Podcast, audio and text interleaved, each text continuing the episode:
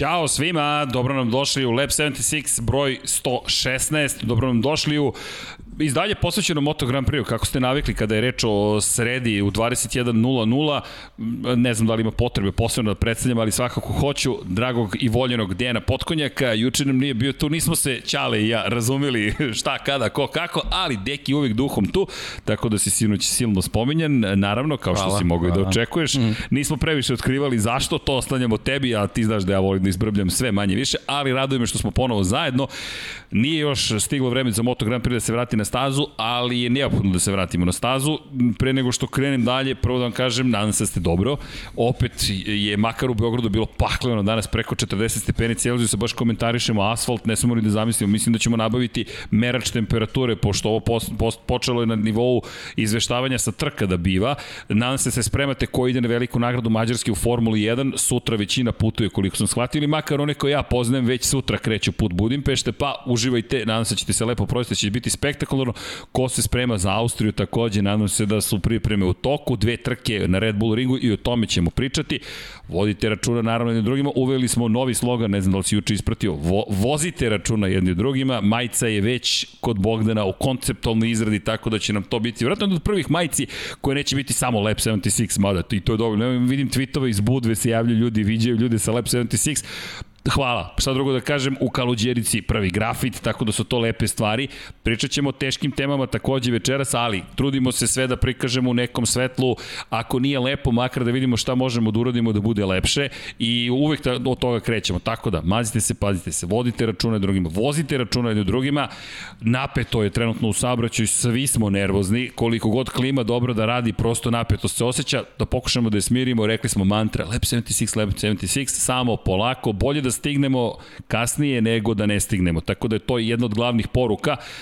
Kada je reč o pomoći, čujte, 3031 od SMS telefona, ali ima toliko humanitarnih akcija. Potražite na limundo.com Infinity Lighthouse, uvek imate neku aukciju ili uglavnom uvek postoji neka aukcija, neki sportski rekvizit, uspomena je na aukciji kako bismo zajedno pokušali da prikopimo pare za neko dete, nekog, neku devojku, nekog momka, kogome, kome god da je potrebna pomoć, uvek nekome možemo da pružimo pomoć i podršku. Ponovit ću ono što sam juče rekao, još jedan poseban pozdrav svima koji se takmiče na olimpijskim igrama u Tokiju, poseban pozdrav organizatorima, nemoguće misije organizovati u svim ovim uslovima u sred pandemije uspešne olimpijske igre na način na koji smo to navikli.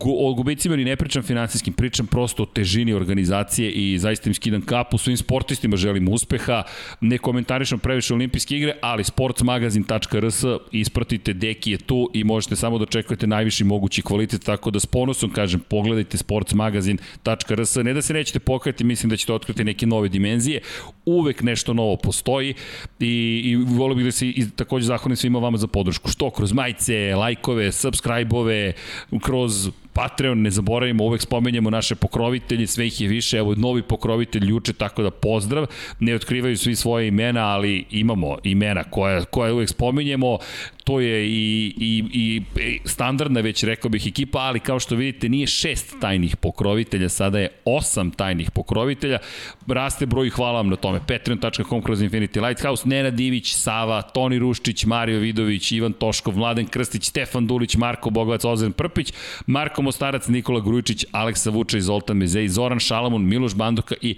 Laslo Boroš. Dobili smo njih u dozvolu da, eto, otkrijemo kosu i imamo osam ljudi koji kažu, hej, dovoljno je što, što to što radite, hvala vam na tome, zaista beskonačni jedan, uh, jedan moment zahvalnosti u skladu sa Infinity Lighthouse-om i kažem, nadam se da eto, možemo da, da, da radimo neke pozitivne stvari, nažalost, ne mogu baš da počnem večeras. Deki, obično gledamo samo lepe stvari. Izgubili smo dosta ljudi u prethodnih godina. Pričali smo i i o, o, o našem Nemanji, pričali smo i Eddie Van Halenu, pričali smo o ljudima koji su se spuštali na mesec ili bili makar u orbiti meseca, pričali smo mnogima koji su nažalost nestali u, u godini iza nas i pa sada već i više od jedne godine, ali nekako smo došli sada u situaciju da pričamo o krajnje problematičnom trendu u motociklizmu i ne možemo da bežimo od toga. E, dosta je bilo i pitanja i hvala vam na tome. Vi ste prvi pitali nas konkretno, da li mislimo da su previše postale opasne trke u Moto3 kategoriji, neće to biti jedina tema večeras, ali prosto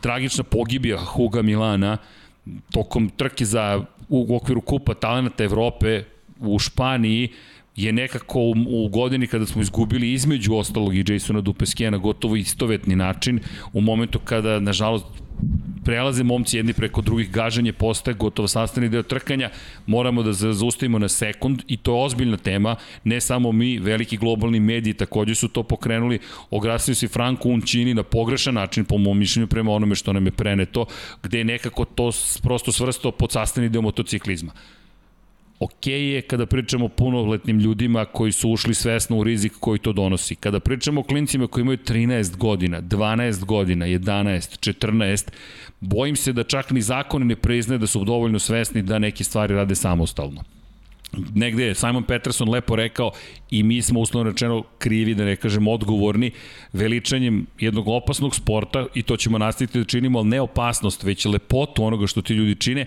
Takođe budimo želju i ambiciju kod mlađih generacija klinki i klinaca da se time bave, ali onda i naša obaveza da povedemo više računa o njima.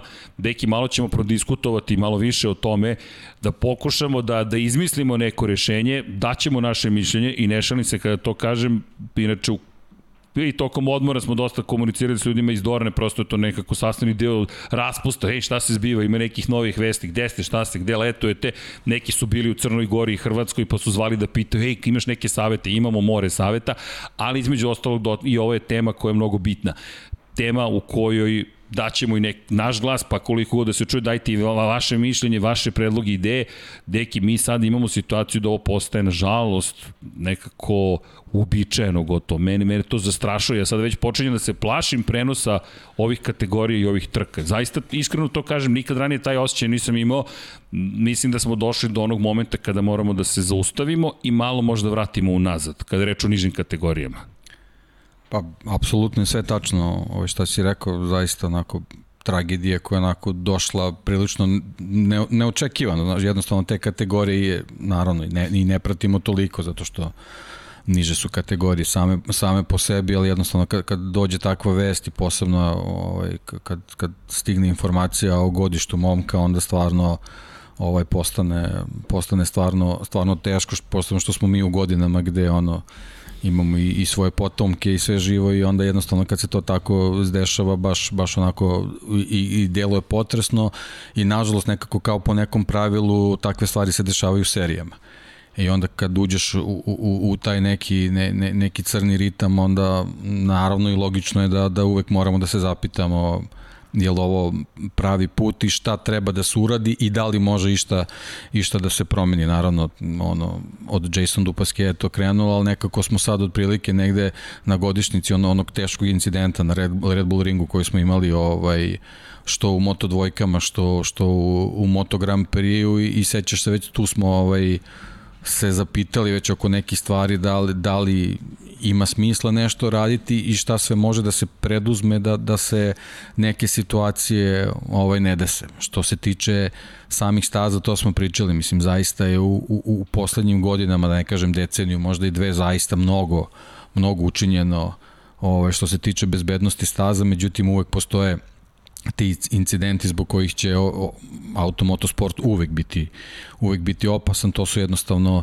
incidenti gde, gde, gde niz nekih nesretnih okolnosti se desi i onda, i onda dođe, dođe do tog najcrnjeg scenarija, ovo što se desilo s malim ugom je stvarno ono je katastrofa, ono je jednostavno ne, ne znam uopšte kako, kako bih opisao to, ali jednostavno to je onako stvarno biti u pogrešno vreme na pogrešnom mestu u, u najgorem, najgorem mogućem smislu. Ovaj, tako da, eto, te, te, te neke situacije možda treba podeliti na te, te dve, dve strane ovaj, vezane za, za same konfiguracije i profile staza, njihovu bezbednost i sa druge strane eto taj taj neki splet okolnosti koji možda može na neki način da se predupredi, ali ja stvarno vezano za ove sportove ne vidim uh, kako i da li ikad, da li će ikad doći vreme da oni mogu da budu 100% bezbedni. To jednostavno mislim da, da, je, da je nemoguće. Ali možda neke stvari mogu da se, da se ovaj, reše preduprede, a jedno stvar je, to si, to si već načeo, da posebno, posebno dobro razmislimo o godištima tih momaka. Pa to je ono što je najveći problem. Mi znamo da je automotosport generalno veoma opasan Imamo situaciju Brad Jones, nažalost je ozbiljno povređen u britanskom superbajku.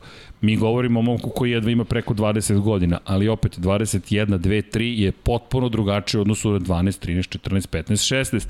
Mi sada... Pa do 18. I, do 18. I ne rada mi je ova tema. Da, da, da, negde, ne, neću da kažem da ih izbegavamo, naprotiv, ali prosto ne želimo od tih tema da pravimo glavnu vest, to mi deluje nekako krvoločno gotovo, ali ovo nije pitanje ne, ne, glavne vesti. Ne, ne pričamo kao vest. Ovo je sada da, ozbiljan problem. Da, ovo je sada nešto što, gde moramo da kažemo reč problem. Mi sad imamo situaciju u kojoj gledamo Red Bullov kup Novajlija, odakle nam dolaze spektakularni momci. Gledamo šampionat Španije, to je juniorsko svetsko prvenstvo, gledamo kup talenata Evrope, gledamo kup talenata Severa, gledamo kup talenata Britanije, gledamo kup talenata Azije, gledamo kup, kup, kup, kup, kup takmičenja. Ili su na Hondama, manje više osnovnim verzijama onoga što vidimo u svetskom prvenstvu u motociklizmu u Moto3 klasi ili su na KTM-ovima. To su dva glavna proizvođača i to je takođe nešto gde oni i dobijaju promociju, ali, dobijaju, ali i pružaju podršku tim klinkama i klincima da se pripreme za ono što je čeka u svetskom prvenstvu. Međutim, čini mi se da smo u toj želji i ambiciji svi zajedno, ne mogu tu decu ja da, da, da, da uslučeno krivim, to su deca, to svako dete ima neki svoj san. Naši, ka, naši kao ljudi koji imaju 18 i više godina, pogotovo ti ja koji smo dosta stariji, da kažemo čekaj šta je, kao dete kada se naljuti, super je što si se ti naljutilo, ali ovde je granica. Ko povlači granicu? Pa ja povlačim granicu, zato što moje iskustvo konačno zakon mi daje za pravo da povučem neku granicu i mislim da, da, da mora da se nešto uradi. Sad, da li je to smanjenje kubikaže, ograničenje broja obrtaja, da li je to, i, i Simon Peterson, na primjer, se zalaže za to da se, na primjer, do, dođe do toga da više nisu klasična kup takmičenja, već da timovi mogu da dođu do izražaja i da onda vodeći vozači mogu da pobegnu u krajnjem slučaju i da nemamo tako velike grupe. Da, uzbudljivo je kad gledamo 15 vozača u grupi, ali ako se vratimo na Barcelonu, Upravo to, me, ja, ja uh. se ježim od onih rečenica koje smo pričali tad, sećaš se posle Sećam trke. se. Meni je ono zaista delovalo da je samo pitanje vremena kad će se desi nešto. Ono je bilo strašno. I jeste to, sve to deluje spektakularno. Sve I jeste to stoji, spektakularno. Ali e, Dok ti, se ne desi ti momci nisu gladijatori. I ne treba Posebno da budu. zbog svog godišta. To je jednostavno stvar koja ne, ne znam, jednostavno ne ne ide jedno s drugim. Eto, to je, to je jedino što, što, što meni u ovoj čitavoj situaciji smeta ovako na prvu ruku kad, kad pričamo o tome, ali ajde, još ćemo, još ćemo obrazložiti tokom priče ovaj, pa, neku suštinu. Pa da, ono što je problem, mi govorimo sada o prevelikom broju dečaka koji su izgubili, to su dečaci. Ja ne želim da se svede na spiskove, mi sada dolazimo do spiskova Znaš, to postaje depersonalizovano. Sad pročitat ćemo njihove imena i reći šta, to je, to je tako. Mi, ako pričamo, i sad ne pričamo o, o, o, o nacionalnim takmičenjima, ima mnogo tragedija, ima ih, to, motociklizam pogotovo je sam po sebi po prirodi stvari opasan. Ali mi sada dolazimo do nečega što ima ozbiljnu pažnju javnosti, što automatski prilači veći broj ljudi, veći broj klinike i klinaca, što izaziva i veću ambiciju, uslovno rečeno, pa i veću poželju za uspehom. A to su deca još uvek. I ti sada moraš kažeš, aha, ovo je moja šansa za životnim uspehom. Šta oni znaju o životnom uspehu? Da. Polako, ti sa 28 ćeš možda shvatiti čime želiš da se baviš. Ne sa 12, 13. Ali kao da je usađena ta priča da bi bio Marquez, da bi bio Rossi, da bi bio kogod, Pedro Acosta, ti sada moraš da uradiš to, to, to i to. I sad zamisli pritisak nekoga koji ima 13 godina, ne smije ni da pusti gas. Ti sad moraš da uspeš, inače tvoj ceo život ne služi ničemu. Meni je to zastrašujuće. Da, da, to ti, te ambicije, ko zna čije, nažalost. Tako je. Ovaj, i, I upravo to što si rekao, on, on sa toliko godina, on je ne zna šta su mu ambicije. On, on voli da se zabavlja i, i da sanja šta može da uradi. Ali i, i tu, je, tu je jedna onako teška priča koliko si kupova nabrojao. Sad samo možemo na pamet da izračunamo koliko je to vozača to, su, to je sve već 100 vozača A mi bukvalno po, po, po jednoj kategoriji svetskog prvenstva imamo 3-4 mesta. Znači njih stotine se bore za nekih desetak mesta u nekom svom periodu kad dođe, kad dođe ta generacija. To je onako baš surovo. Surovo je. Samo, samo to po sebi, a kamoli njihovo trkanja, a doći ćemo i do toga. Za njihovo godište pogotovo. Da. Pazi, mi sad, ja, ja čak neću ni da se vraćam na neka druga takmičenja. Hajde da, da, da spomenem Andreasa Pereza. Mi govorimo o svetskom juniorskom prvenstvu. To je momak koji je pre tri godine izgubio život. Mi pričamo opet o 14-godišnjaku, Hugo Milan. Marcos Garido izgubio inače u, u šampionatu Andaluzije, u supersportu, u šampionatu Pirelli Andrijem Prota, momak iz Francuske. To je 2018. 17. Olin Hanak, za njega verovatno niko nije ni čuo. U Češkoj izgubio, deca su izgubila život. Kada pričamo o Afridži Munandaru, ja se sećam vrlo dobro Afridži Munandara, kup talenta Azije, to je prva tragedija to, to, tog nivoa. To je momak koji je već imao punoletstvo. Dakle, ali on je i dalje težio nečemu izgubljen život. R ponavljam, razumem da će biti opasno i niko ne govori nije opasno. Svesni, pa teško baš da mogu biti svesni opasnosti u koju ulaze sa toliko godina, ali da postoji neka vrsta svesti svakako postoji. Međutim, na nama je da kažemo čekaj. Da li mi možemo da kažemo da pomerimo ponovo granicu. 17 godina mora da bude donja granica. 18 godina mora da bude donja granica za svetsko prvenstvo. Neka, neka još dve godine čekaju. Koliko se ja sećam, jeste davno bilo, ali ja sa 16 i ja sa 17, ozbiljna razlika. A ja sa 16 i ja sa 18, nebo i zemlja potpuno drugi stvari, način na koji pristupam životu, kako se ponašam, kako odgovaram starijima ili ne odgovaram ili sagledavam Upravo stvari. to je to, ja, ja mogu iz neke svoje, svoje sportske perspektive, ja sam, ja sam trenirao atletiku u, u, u, tom, u tom uzrastu i sećam se svog pristupa treningu i, i, i ovaj, izvršavanju, da tako kažem, ovaj, zadataka vezanih za, za, za trenera sa 16 i neka prispitivanja kad imaš 18. Znači sa 16 godina bukvalno radiš sve šta ti se kaže, sa 18 već, već ti počinješ da analiziraš i da razlažeš situaciju i pokušavaš da shvatiš suštinu zašto nešto radiš. To je upravo to što si rekao, a to je razlika od nekih 20 meseci samo. Bukvalno, a to je da. razlika između mogućeg života, kakav god da je živ si, Tako da je. imaš opciju Ne, ne, ovaj sport je jednostavno sport koji ne prašta, bukvalno ne prašta greške. Znači trebaš da imaš mnogo sreće da iz nekih situacija izađeš ajte da kažemo nepovređen. Kažem a kamoli ovo što se desi. Meni je tragedija da mi, mi samo pročitaš ime, Amber Garcia, još jedno ime, još jedan broj i koji se povlače, o kome se priča neko vreme i onda to zaboravimo. Neminovno, planeta se vrti, teško je zapamtiti sve te situacije. U svetskom prvenstvu Jason Dupasquier prva tragedija od Luisa Saloma, koji je bio prva tragedija od Marka Simončelija na pet godina doživljavamo sada kad gledamo surovu statistiku tragedije. I to je previše. Ali ovde govorimo sada o, o o, o, o serijalu tragedija, velikih ozbiljnih tragedija. To je sada već mora da bude neprihvatljivo za sve nas. Nešto moramo da smislimo, da uradimo. Konačno ovo što pričamo danas je neka vrsta podizanja svesti. Dolazi Red Bull Ring.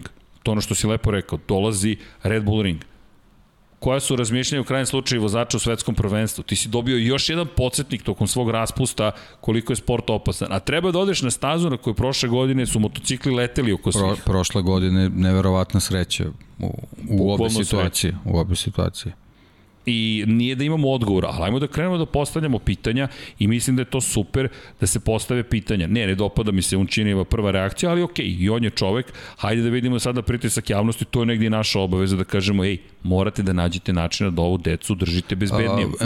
Unčinijeva reakcija izjava je nekako razumljiva sa stanovišta čoveka koji se time bavio. Jeste. Ali da, tu je samo poenta priča o godinama. Tako je. Ne, pričamo... ne, možeš, ne možeš tu svoju izjavu da usađuješ nekom ko je maloletan to nije u redu. Jednostavno nije u redu, posebno uh, u modernom društvu u kojem živimo, gde na raznorazne načine dobijamo raznorazne, da tako kažem, instrukcije o nekim ponašanjima gde, gde je nešto ispravno, nešto drugo nije, neću sad ulazim uopšte u te stvari. To ide od, ali od perioda do perioda. Ovde je, ovde je direktno priča vezana za neke maloletnike. Samo je pitanje godina. Tako je. Da govorimo o 24-godišnjaku, tragedija je ogromna i ovo što se desilo Bredu Jonesu jeste tragedija. Mi se nadamo da će čudo se desiti, ali činjenica je da, da mi ovde govorimo o tome da da su to ljudi koji imaju o, svest već o tome šta čine. Klinac sa 12-13 godina, klinka 14 godina, ja se izvinjam, ali to je... Ko tu, ko tu popi, potpisuje papir? roditelj, staratelj. Eto, o tome se staratelj. radi. O tome se radi. A da ne govorimo kako to utiče posle na te porodice. Ti si taj koji je izabrao taj put, Tako to je. ostaje uz tebe. Što ono što je Pavle rekao, kako se osjećaju klinci koji pređu preko tih ljudi. Šta tebi onda posle toga ostane u glavi? Mislim da treba da se pojede diskusiju o tome i nerada je tema, ali je neophodna. Nemam nešto mnogo da dodam na ovu temu u kontekstu toga što bi sve ostalo bila priča koja je već uslovčeno ispričana ako nema neke aktivnosti iza ovoga. Ja moram ti prezim, ja, ja ću ozbiljno da razmislim o ovome, zajedno znam da hoćemo razmisliti, pa ćemo staviti nešto na papir, poslaćemo povratne informacije, ljudi, ovo se događa, u krajnjem slučaju vi kao naša publika dajte vašu reč, mi ćemo biti vaš glas u tom kontekstu, ej, ovo naša publika vidi kao potencijalno rešenje za ove probleme s kojima se suočavamo, ali ono što je pritisak uslovno rečeno javnosti, ja ne kažem da to treba da radite ili ne, niti da se složite sa nama ili ne, ali ukoliko se slažemo ili ako nađemo za shodno da kažemo čekaj, da treba da se trkaju, ok, podržavamo trkanje, ali hajde da pokušamo da stvorimo okolnosti koje su bezbednije, da razmislimo o tome. Ne, ne mogu da prihvatim rečenicu, nema rešenja, to je tako. To mi je, to mi je predaja sama po sebi. Hajde da smislimo nešto, šta god to bilo, hajde da razmislimo crvena boja u kacigi, ne Meni znam. to, da, eto, to su, to su neki prelozi, eto, ako, ako neko, um, ovo je poziv čisto, znači ako neko se možda bavi tom tema, tematikom gde bi možda mogo da nam pomogne da napravimo prototip toga, da ljudi shvate, recimo, šta tu može šta, da se šta radi? tu može da se uradi, Ljudi, mi ćemo ga rado promovisati. Vaš ne znam, na kraju može, krajeva znam. elektronika je toliko razvijena, to mi je nedavno, nedavno mi je palo na pamet, znači ako, ako su povezane LED diode u, u, ispod vizira, koje bi svetlosnim signalom u boji davali znak vozačima da trebaju da uspore ili šta god, možda na isti način možda se poveže s nekim limitatorom. Znači da bukvalno se prekine neki, Ili- neki dovod snage. Znaš šta mi pada takođe na pamet? To, ali još jedna stvar, zamisli virtualizaciju kroz augmented reality. Sad mi to palo na pamet. Ako ti, ali tu u nižim kategorijama. Zašto? U, u višim kada je zaista Pazi, toliko imamo elektronike, toliko imamo simulacija padova, da konačno kada pogledamo grba kako funkcioniše sada, vazdušni jasno kako funkcioniše, zamisli vizualizaciju u okviru kacige, koliko god da je zahtevna tehnologija, ljudski život nema, je najskuplja stvar na planeti Zemlji.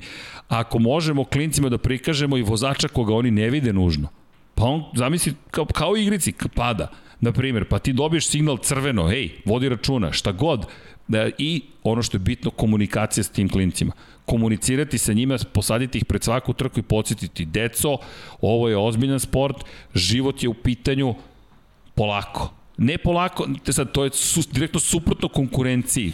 Ne, ne, polako duhu. ne može. Ne može polako, ali nešto svako, mora svako da se od nađe. njih traži, traži neki prostor, traži priliku za ubrzanje. Ovde, ovde ova konkretno poslednja situacija je jednostavno bila Baš sve, sve posledice su bile posledice toga. Jeste. To je jednostavno bila, bila potreba da se, da se pronađe prostor za, za maksimalnim ubrzanjem. I to se desilo jednostavno. Nažalost, na najgori mogući, Tako je. na najgori mogući način. Tu ali, sad ne, ne, nema, ne postoji tu škola i pravila da ako se nešto desi ispred idi samo s leve, Ne možeš. nemoj s desne. To je ne, situacija. To, to, je, to je jednostavno tako situacija i uvek će toga biti. Nažalost imali smo situaciju sa, sa Šojom Tomizavom gde je milisekunda rešila sudbinu njegovu. Jeste. Tako da tu, tu šta god uradi od toga, to, to, to su jednostavno spletovi okolnosti na koje nažalost ne možeš da utičeš, ali eto možda sa nekim situacijama može samo da se smanji broj toga. Da se smanji To rizik. to. Hajmo da smanjimo rizik. O, Da. Ograničimo broj obrtaja, smanjimo kubikažu, ne znam, to su predlozi sad razmišljanja. Povećamo broj obaveznih godina da bi mogao da učestvuješ. Neka se strpe još jednu sezonu, Da, na primjer. da, da. To su razmišljanja. Ovo je, ovo je generalno cela ova priča, ovo je, ono, jednostavno se pogodila tragedija momka koji ima suviše malo godina, jednostavno, to je, to je, A to je nije, ta priča. Ali nije jedini, da. to je. Tako to je, sada da. već postaje, da. kažem ti, spisak, ne želim, staj, ne želim spisak, da. ne želim da se to depersonalizuje, da to postanu samo još jedan unos u negde u nekoj bazi podataka kako kaže, eto, još jedno dete izgubilo život. Nije Znaš, dovoljno. e, ono, eto, ulazim u te sfere sporta i onda razmišljaš, znaš, o nekim ranijim pričajima koliko se, ovaj, koliko se zamera ljudima koji vode gimnastiku zbog devojčica koje se regrutuju. Pa evo sa- sad imamo situaciju. Tako je. A ovde pričamo o nečemu što je vrlo, vrlo opasno i, i višestruko A opasno. počinješ sa šest godina manje Tako više. je, tako sa je. četiri tako da već imaš mora, motocikl. Morali bi neke granice tu da se postave, bez obzira koliko oni talentovani bili. I komunikacija. Tako je. Zaista duboko verujem u pričanje i komunikaciju sa roditeljima, takođe menadžerima, podjednako koliko i sa decom. Možda i više. Ok, tema stavljamo je ne ad acta, nego je sada za sada samo ostavljamo iza nas u ovoj emisiji, ali ćemo se još njome baviti jer mislim da to da, je da, konačno i dužnost. Da, da se nadamo da, da neće više biti prilike da, da počinjemo ponovo sa, sa takvim uvodim. Ne, ne. To je ono što što pre svega želimo. A, previše ih. Tako je. Previše ih. Jedna pogibije previše kamoli da, da dođemo do, ovog, do, do ovih situacija ali takođe ono što stalno ponavljamo, ne, kažem ti, tokom godine iza nas, nažalost, bilo je situacija kada se ovakve stvari desi, pa nekako nastaviš sa prenosom, pa sledećeg vikenda, pa planeta nastavi svojim putem, mi nastavimo svojim putem, sada nekako, znaš, imam, imam zadršku praktično, ali isto tako, neću zaboraviti ni ono što jeste lepota tog sporta, to ono što želimo da vidimo u Austriji, najlepše moguće trke, na, naj veću moguću manifestaciju onoga što stalno pričamo, tih superherojskih, inspirativnih trenutaka. Zato ja obožavam, obožavam olimpijske igre, obožavam ceo taj skup ljudi. Juče sam pričao o tome, ponovit ću samo kratko. Ideja selfie with Nole je meni toliko lepa, toliko fantastična. Da, pride što je Novak Đoković neko sa ovih prostora, ali selfie with Nole, to je gamifikacija, to je, eto, to su lepe stvari. I to je ono što, što, što, što donose ljudi poput Đokovića, poput sportista tog ranga, konačno Rosija, Markeza, Fabija Kvartarara, Luisa Hamiltona, Maxa Verstappena, koliko god oni bili agresivni jedni prema drugima, to su ti momenti. Đoković koji Ne bih volio da se sretnem sa njim preko puta mreže. Znam da bi me pojeo, ali isto tako selfie with Nole je nešto što trenduje toliko je divno. Radost koju donosi trenutak kovečan na fotografiji sa čovekom koji jeste živa legenda je nešto što je zaista inspirativno na, na svaki mogući način. Tako da taj moment selfie with Nole meni za sada obeležava pravi duh olimpijskog sela zaista olimpijskog sela, da ti imaš mogućnost u jednom zatvorenom, da, kontrolisanom prostoru, ali zato što si vrhunski sportista u nekom sportu koji možda nije toliko popularan, ti imaš mogućnost da sedneš sa Đokovićem i u menzi, pojedeš ručak i doručak i da podeliš sa njim. A to je nešto što i njemu nedostaje zbog tog vrhunskog profesionalizma u kojem je svaki dan. Izolacija da, je potpuna. To je, to je ono, super veza generalno. I njemu to da, deluje da prija. prija da. Deluje da prija. A da, verujem da da. Jer on da, da. deluje da, da je autentično. Ona, ona fotografija sa špagom, nemam komentar, pomislio sam, hm, moja instruktorka joge koja ne postoji. Mislim, postoji neko ko,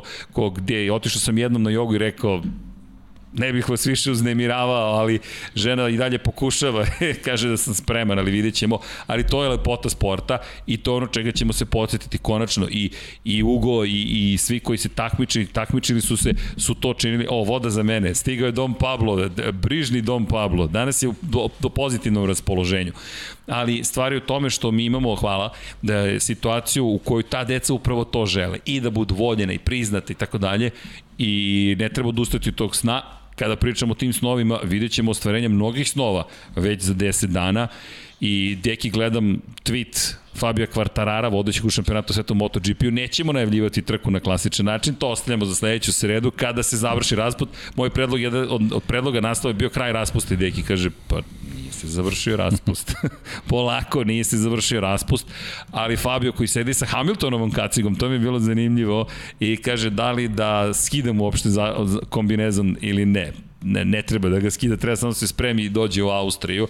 Pozdrav još jednom svima koji idu i u Mađarsku i u Austriju, ali najveća vest zapravo posle Danija Pedrosa je nešto što smo mi onako ovlaš spomenuli prošli put, sad je to i potvrđeno, ali mislim da zaslužuje svojih 5 minuta Karl Kračlov i njegov povratak u Moto Grand Prix na Petronas Yamahi, Franka Morbidelija na motoru koji nije da baš nužno poznaje, nije baš testirao taj motocikl, ali opet ima zajedničko nešto u krvi tog motora i eto kao I generalno Kračlov, poznaje Yamahu. Tako je, ali zanimljivo, tri da. trke. Znaš šta to meni govori? Pisam se danas s našim prijateljem Goranom i kao tri trke, to nisam očekivao. Pa, trebalo je da bude jedna trka. Zove se Velika nagrada Austrije na Red Bull ringu u Spielbergu. Pa je pre nje ubačen umesto Velike nagrade Finske Velika nagrada Štajerske na Red Bull ringu u Spielbergu. Ali koja trka je sledeća, Deki, 29. augusta? Podsjeti me, ja nikako da, ne, sam u pravu kada kažem da je velika nagrada Velike Britanije. Pazi Dornu, kakav mamac, Petronas Yamaha i Dorna su bacili britanskoj publici.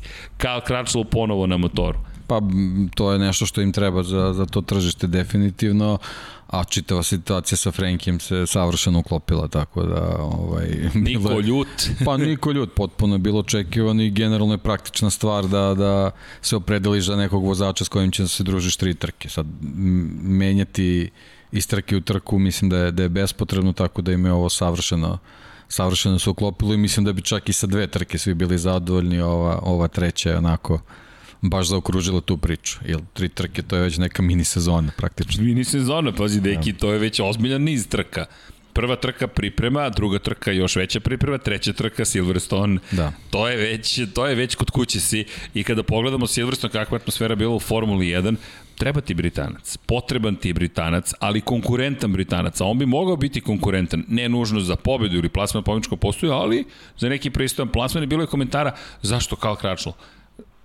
M je probni vozač, M zato Karl Kračlo, zato što stiže velika nagrada Velike Britanije. Pa zbog toga i pričali smo isto neki, da ih nazovemo praktični i logični razlozi vezani za Gereta Gerlofa koji u tom trenutku ima obaveze u Superbike šampionatu i jednostavno nije bio dostupan, a znamo da je, da je, da je prvi izbor po, po tom pitanju i, i kažem, bilo bi zaista ovako malo neozbiljno vezano za, za samu organizaciju da, da, da se vozači menjaju iz trke u trku ovako, ovo je po meni dobro opredeljenje. Definitivno.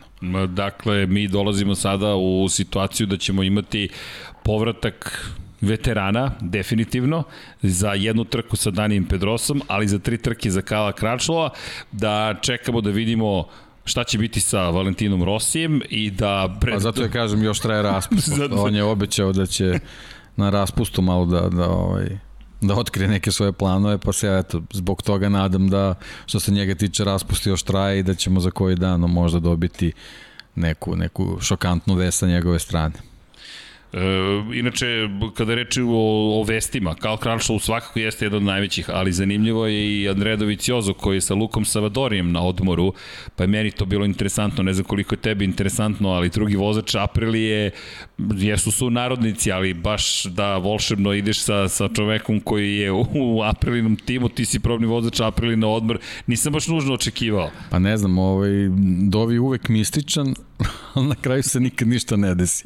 Tako da, ovaj, ne znam, simpatično je, zanimljivo je i, i lepo, eto, za ta neka razmišljanja, nagađanja, kao zašto tu, kao zašto ta veza, šta se tu sad kuva i tako dalje, ovaj, ali, ali ne znam, ne znam, mislim, ja bih generalno voleo da, da ga vidim ovaj, ponovo u šampionatu, pre svega zato što je tako obećao, on je praktično rekao da samo ovu sezonu pauzira, ovaj, nadam se da, da održava formu i da, da ćemo ga nekako videti sledeće godine na gridu, pa sad ne znam, ne znam nije, nije dovoljno da kažem ajmo samo nek bude i on neka wild card, nego jednostavno da ga vidimo u, u, u pravom svetlu u punoj sezoni. Kada pričaš o tim situacijama u kojima kaže nešto će biti pa se to ne desi, Valentino Rossi baš nije u grupi tih vozača, ali Valentino Rossi je odjednom je završio u toj situaciji, za one koji ne znaju, nismo bili tu i mi smo malo odmarali, mi smo bili isto na raspustu, ali evo, nama je već, čekaj, smo sad ponavljači, pa smo sada pošli pre 1. septembra, to je pre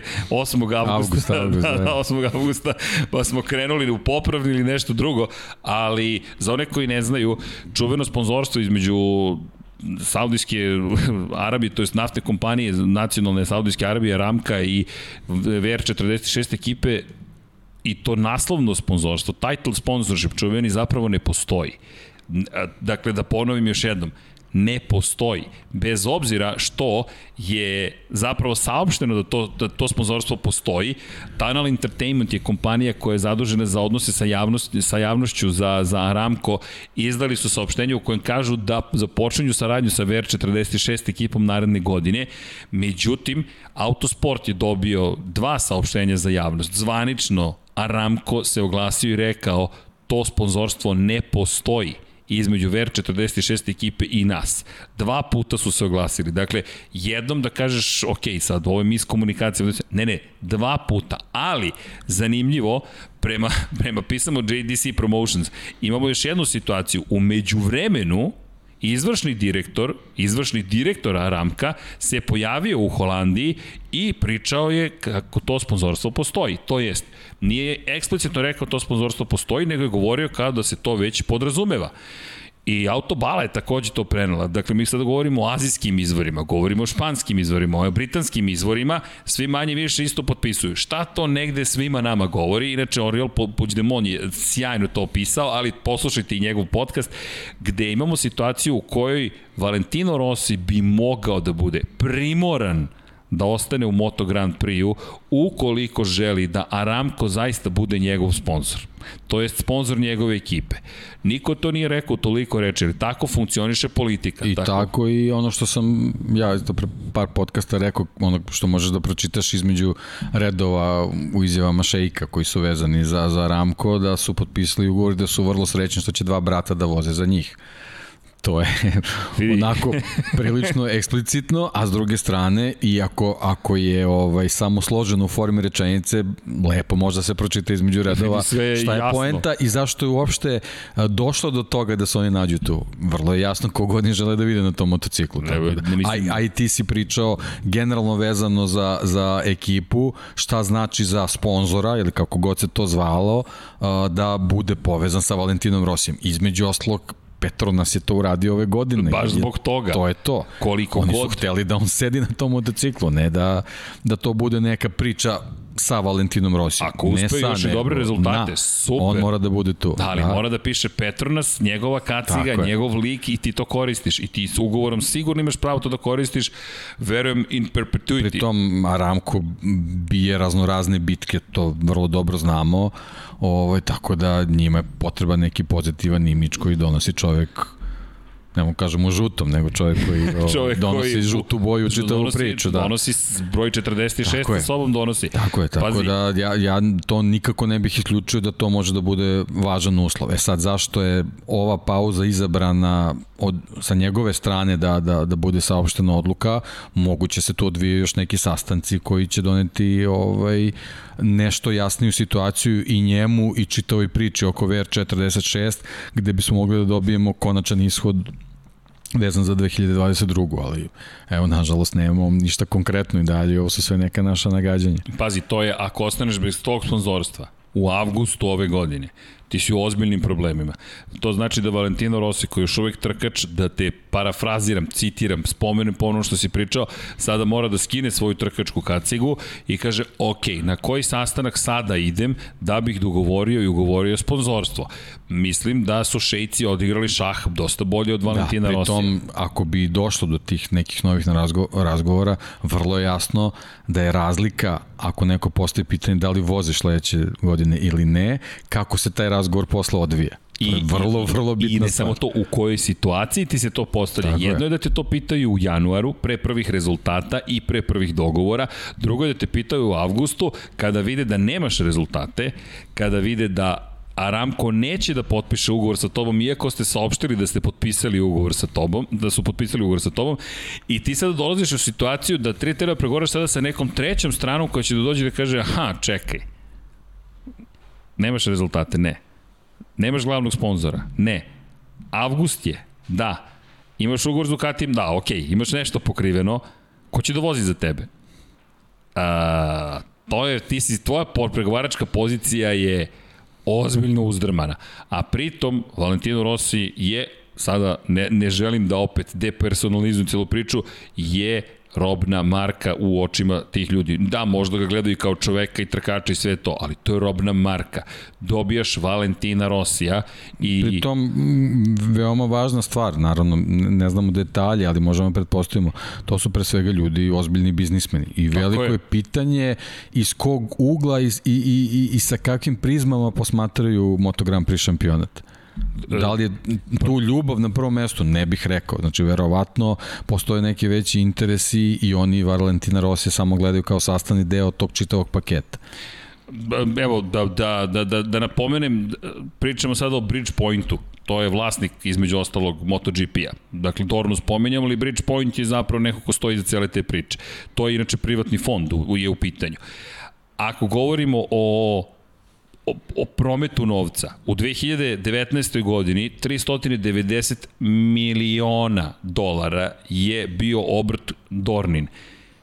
Prihodi su bili 66 miliona, to jest profit je bio 66 miliona. Hej, nije loše. Not too bad, što bi rekao Đoković. Međutim, Aramco, ja ću pomenuti ponovo, Dorna 390 miliona godišnje, Aramco 229,9 milijardi dolara godišnje. Dakle, mi pričamo o puta Ljudi, ljudi mene, boli me glava. Dakle, mi ne pričamo puta 10, puta 100, mi pričamo puta 1000. Mi pričamo sada o potpuno drugoj dimenziji novca. Mi pričamo o kompaniji koja, evo, mi živimo u Republici Srbije, Republika Srbije ima bruto domaći proizvod, ja mislim 50 milijardi zvanično za 2019. Jedna kompanija ima jedna puta 4,5 za celu državu.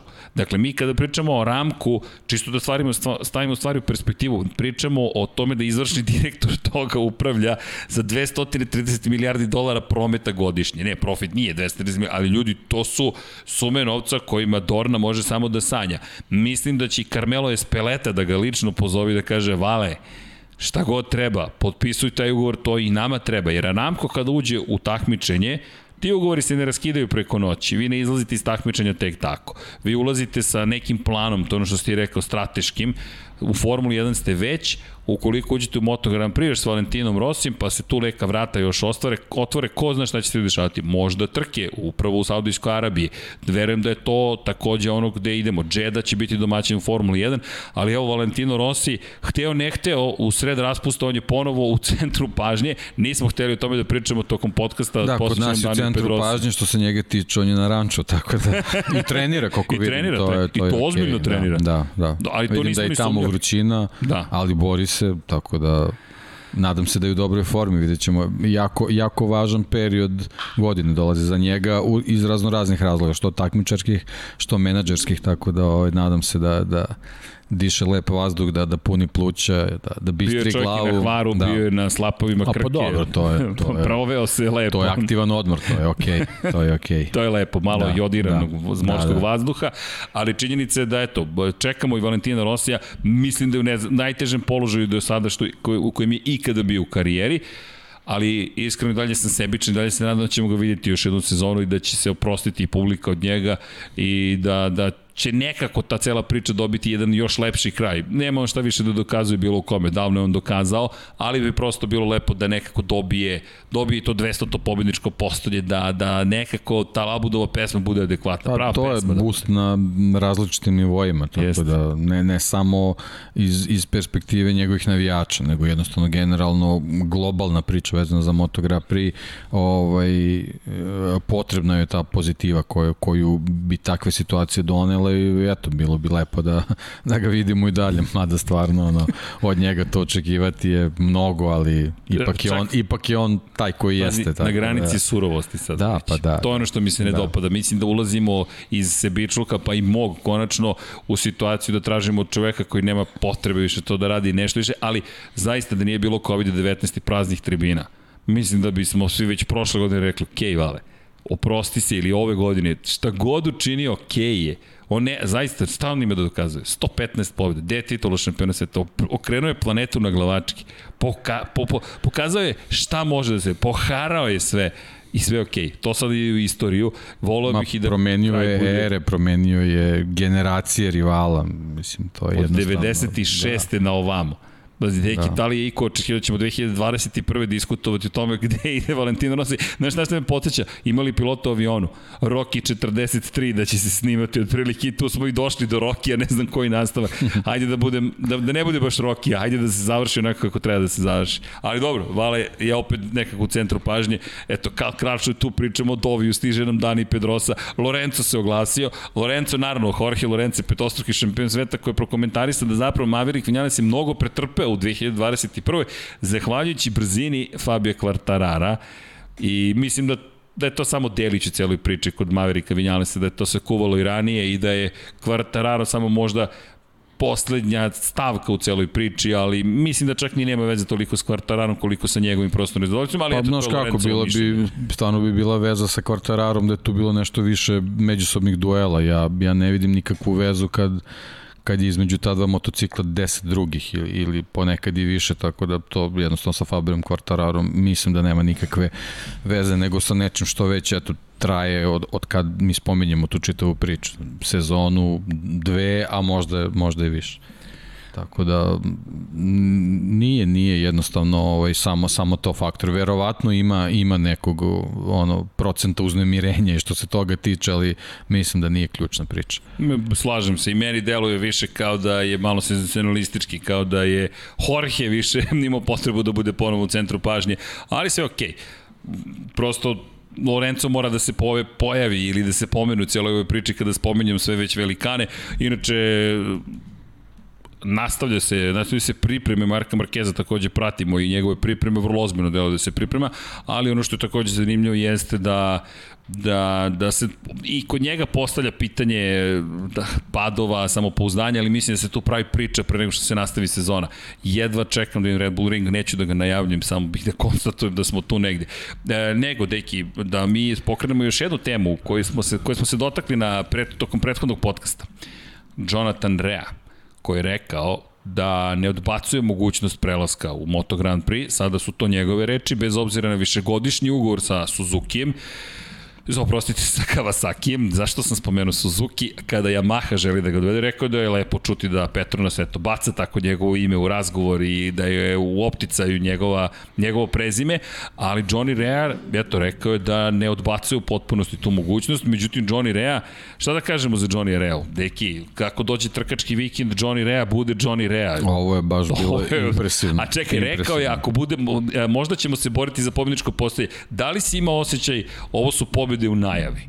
Ja sam imao taj osjećaj, jer to, to je, znaš na kom nivou, to je, ne znam ni koji je adekvatan nivo, ko, koji bi sportista bio na tom nivou da kaže borit ćemo se za treće mesto i onda dođe i prosto pokaže još jednom koliko je on moćan.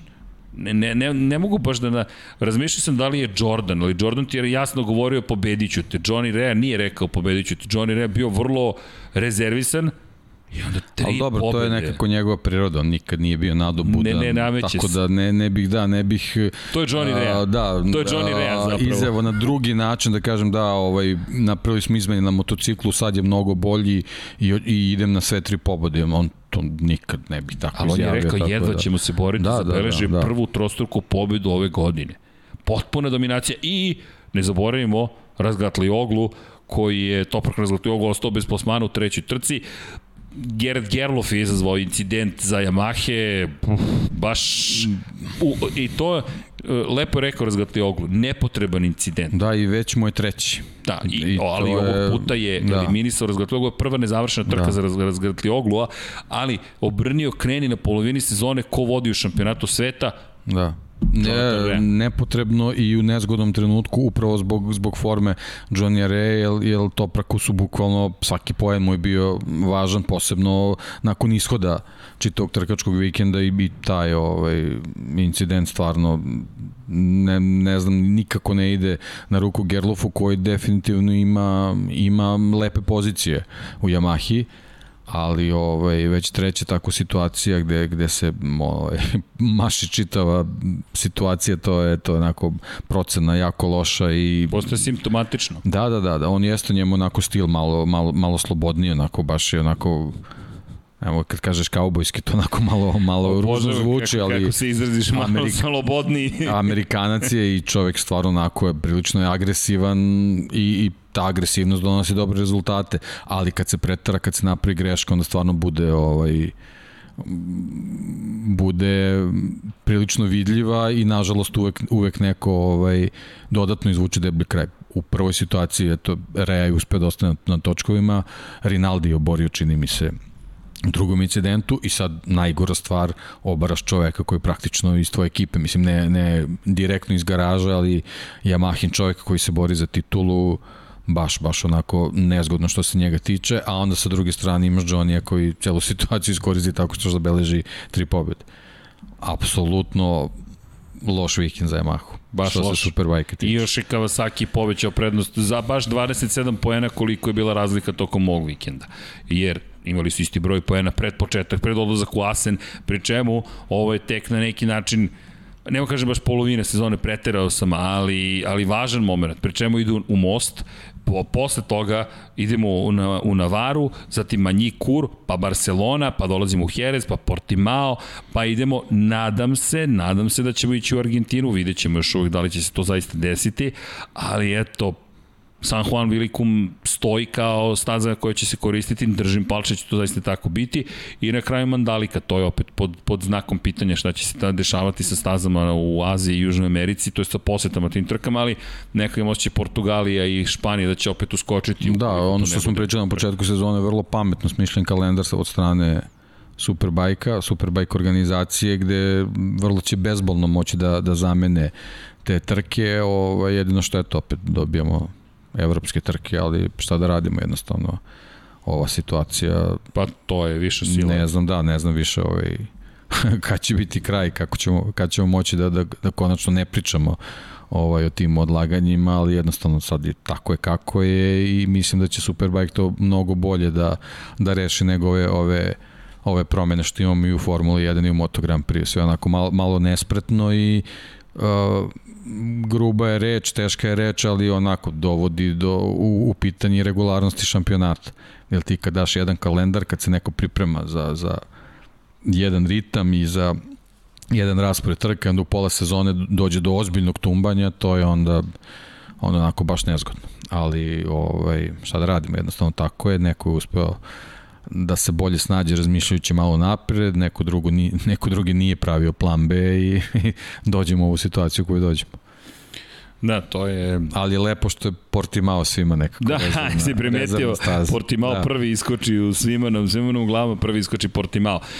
U svakom slučaju pratimo i tamo situaciju, zašto? Zato što volimo motociklizam, ali istovremeno Johnny Rea je, zahvaljujući Petranosu, spojen sa tom celom pričom, spojen je i dalje Andreja Doviciozo, Razan Razali, izvršni direktor ekipe Petronas SRT za koju vozi Valentino Rossi zajedno sa Frankom Morbidelim, je rekao da je to vrlo primamljiva ideja i da bi voleli o tome da razgovaraju, ali ono što je tu problem jeste da je čak i za Dovicioza postavljaju pitanje da li je zahvaljujući skoku nivoa koji smo videli ove godine u Moto Grand Prix, čak i za Dovicioza moguće da se vrati na stazu da bude dovoljno konkurentan. Videli smo da je Valentino bio brz prošle godine, ove godine to, to je nešto parafrazirano sada raz, Razalija, ali do ove godine nije na tom nivou. Doviciozo je odsutan celu godinu, a mi želimo momke koji su poput Fabio Kvartarara. Teško je baš, teško je naći poput Fabio Kvartarara, to i dalje izuzetak, jedan ozbiljen izuzetak. Pomalo je bilo zaboravljen, zaboravljen bio pedigre Fabio Kvartarara kada je stigao u Moto Grand Prix, to je momak koji je zaista zapalio svet još u nižim kategorijama, pa je nekako doživeo pad forme, sada se vratio na taj nivo, vidjet ćemo da li će krunisati sezonu i šampionskom titulom, ali Razali u svakom slučaju sve više govori prilog tome da neće gledati ka veteranima i da će se okretati ka mlađim vozačima, ali onda dođe priča o tome da žele Johnny Areu.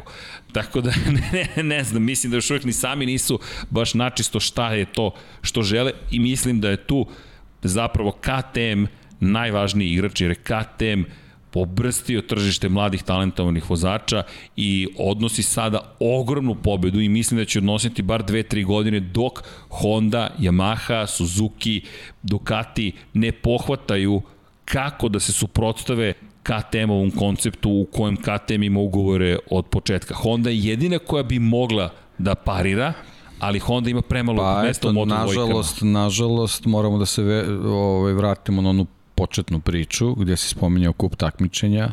Možda bi tu bila jednostavno rešenje da, da se takve stvari na tim nekim višim nivoima ukinu, da pre svega fabrike nemaju te monopole, ako tako možemo da ih nazovemo, da jednostavno kup takmičenjima a, mladi dečaci i ekipe oko njih se nekako a, podsvesno možda vezuju za brendove za koje nastupaju tim kup takmičenjima, ali to su kup takmičenja, tako da to u principu ne bi trebalo da ovaj uh, ima neke veze, ali što se tiče proizvođača, njima je to rekru, regrutacija baš kao kao baš što se rekao.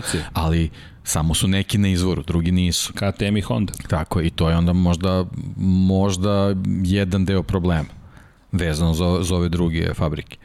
Tako da kad neko može da izabere najbolje, a onda tebi ostane ovaj, Sve od, ostalo, od tog, ostalo. Od tog ostalog da imaš baš, baš dobar njuh da iz toga izvučeš nekog potencijalnog talenta sa kojim samo treba još više da se radi, koji možda nije u svojim prvim godinama pokazao sve najbolje što može, pa, pa ga je neko lako uzeo na gotovo, nego je potrebno da, da ga razvijaš, e, ali tu je potreban nos da, da u toj masi momaka koji u prvom trenutku ne, ne prikazuje rezultate, namirišeš baš onog pravo koji će uz neki dobar rad možda postati neka zvezda. Tako da to je veliki problem pre svega za Yamahu od koje naravno očekujemo da, da uvek ima dobre i jake timove. Da, Yamaha od godinama ne želi da razmišlja o nižim klasama, ali meni je Honda tu zanimljiva, ne na baš dobar način. Honda je presudno u Moto trojkama, ima Honda Team Azija u Moto dvojkama. Nije to Honda na šasija, sve ok, Kalex je u pitanju, ali je Honda prisutna da. kao management. Da. Međutim, Honda ima samo dva sedišta.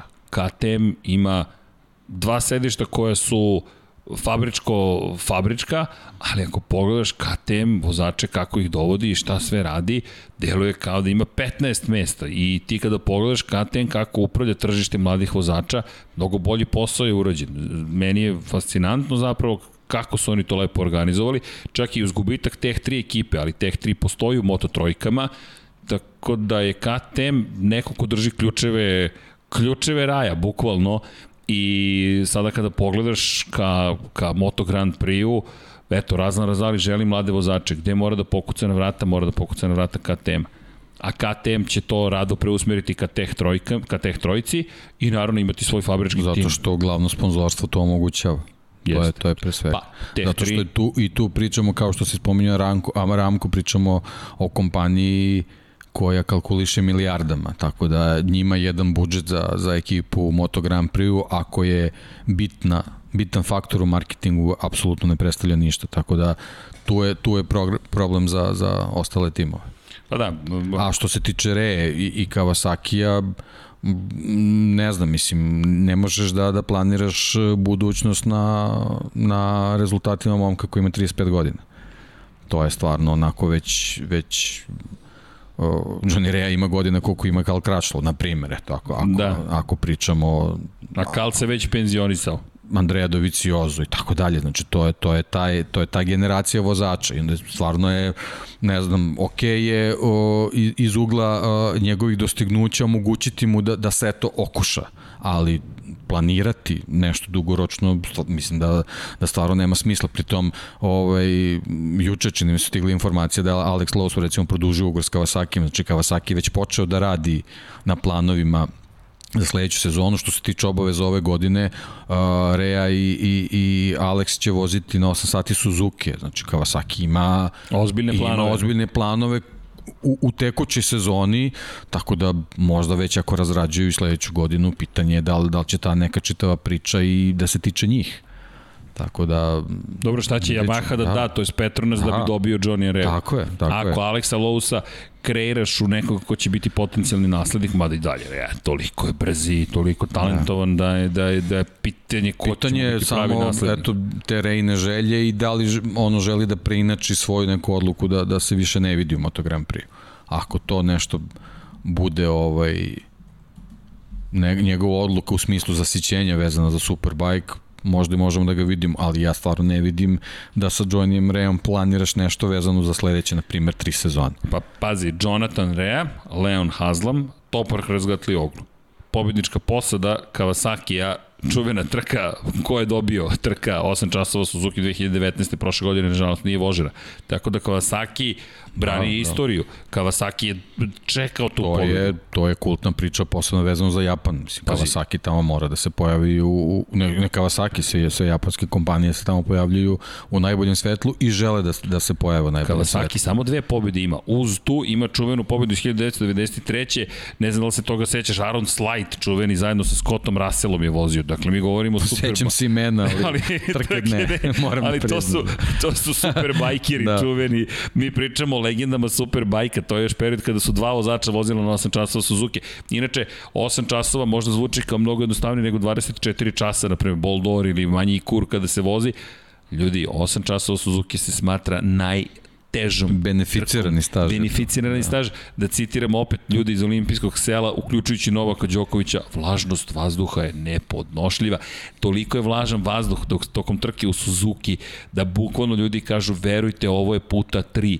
Ovih 8 časova vredi puta 3 i zato je 8 časova Suzuki u sred leta se održava po vlažnosti kao da ste u Maleziji i to ujutro. Dakle, 100% otprilike to je nemoguća misija i zato je poštovanje prema svim tim ljudima ogromno. Inače, kada već spomenjamo te istorijske momente, Valentino Rossi, Colin Edwards je bila jedna od tih čuvenih posada 2001. koja je odnela pobedu Inače, malo posle toga su promenjena pravila. Mi smo do 2008. imali praktično Rujići, Kunari i Carlos Čeka su poslednji pobednici posadi sa dva vozača i onda počinje jedan malo humaniji period, ali opet, pobediti na 8 časova Suzuki je veoma važno i Kawasaki ne odustaje tako lako Kawasaki ima ozbiljne planove bez obzira što nisu u Moto Grand Prix na našu žalost, ali zato su Superbike i kako impresivni.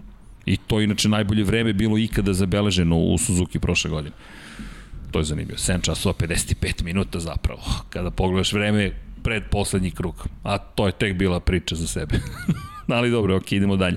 A, nego, Imamo li još neku temu ovako, a da ne, ne otkrivamo previše karata za sledeći put ili da ne kažemo nešto što ćemo učiniti već sledeće srede? Pogotovo je zanimljiva, moram ti priznati, meni je veoma zanimljiva tema sa Valentinom Rosijem. Nisam očekivao taj obrt da će Ramko biti igrač koji dovodi Valentina Rosija. Mislim da to govori dosta i o poziciju u kojoj se Rossi nalazi. Mislim da se Rossi opustio, ne na negativan način, ali da jednostavno nije ajkula, trenutno da ne igra tu igru koju je nekada morao da igra da bi uspeo u Moto Grand Prix, da se opustio i da se našao u zamci koju nije očekivao. Iskreno, to, to, to mi je utisak da su bukvalno bolji šah odigrali, ali ušao u igru sa vrlo ozbiljnim poslovnim ljudima koji imaju poslovni interes na prvoj poziciji.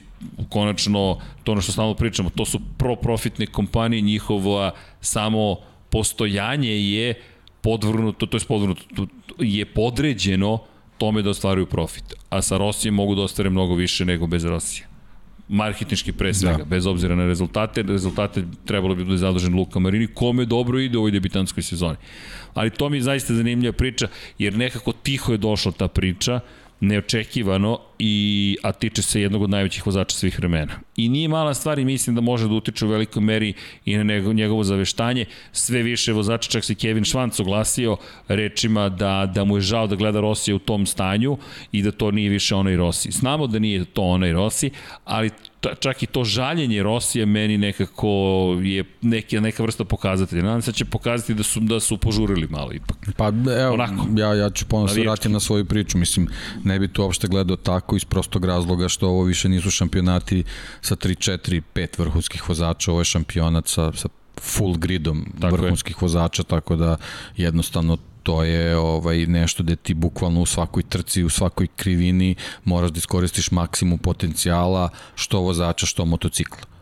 Samo, samo dobra kohezija donosi dobre rezultate, Ovaj, tako da ja, ja njegovo izdanje uopšte ne vidim kao katastrofalno, nego jednostavno kao, kao odraz neke pokazatelj trenutne vremena, situacije, pokazatelj vremena, uh, njegovih godina, uh, uh, sposobnosti Petronas ekipe, to smo isto više puta ovaj, ne treba zaboraviti. Ne treba zaboraviti da je ovo prva godina u kojoj sarađuju zajedno. Uh, sama je vezano u Belini, tako, došao ti je novi šef je, ekipe. Tako je, sama priprema tog motocikla, znači to su već, već tri faktora i četvrti vrlo važan faktor, kažem, mi se trkamo sa 15 vozača. 15 drugačije. vozača, bukvalno možemo, ajde nije 15, ali recimo desetak vozača, bukvalno za svaku, za svaku trku možemo da stavimo neki uži krug ljudi koji će, širi krug ljudi koji će možda moći da zabeleže pobedu. Ja volim te hollywoodske priče, navijam Tako za Rosija da... da uradi nešto pozitivno, navijam za Markeza da bude brz, navijam za Dovicioza da se vrati i navijam da Dani kaže ok, vozit i u Valenciji, na primjer. Eto i to je sad neka dodatna situacija sa kojom Rossi treba ponovo da, da, da se hendluje. To je jednostavno tak, tako je kako je i, i njegove pozicije ne treba onog shvatati kao, kao neki maksimalan poraz dok on sam to tako ne, ne, ne sagleda, a on kad to bude sa, tako sagleda, on, on će reći dosta je. Pošto još uvek to nije rekao, nema, nema razloga da i mi tako posmatramo. Nema žurbe. Tako je. Nema žurbe, ali dobro, ja kažem ti, držim palčeve onako navijački da, da će da uradi nešto dobro, da ćemo vidjeti Markeza u dobrim izdanjima, da te priče o tome da su padovi uticali na samopouzdanje neće biti istiniti, da, da ćemo imati pravo trkanje, da Dovi jeste u dobroj formi, da će Kračlo konačno da bude brzi, da kaže, nije čak ni generacijski, nekako volim te priče u kojima, pa ni Kračlova priča ba nije nužno ispričana, nekako kao da je ostao ipak ma, donekle dužan da uradi još nešto dobro. Daleko toga da on ima šta da opet da dokazuje. Tri pobjede u svojoj karijeri, po suvom, po kiši, za Lučiće Kinelo Racing, on je već istorijska ličnost, on je LCR Honda doneo prve pobede u istoriji te ekipe. To je kao Miguel Oliveira što je doneo teh trojkama.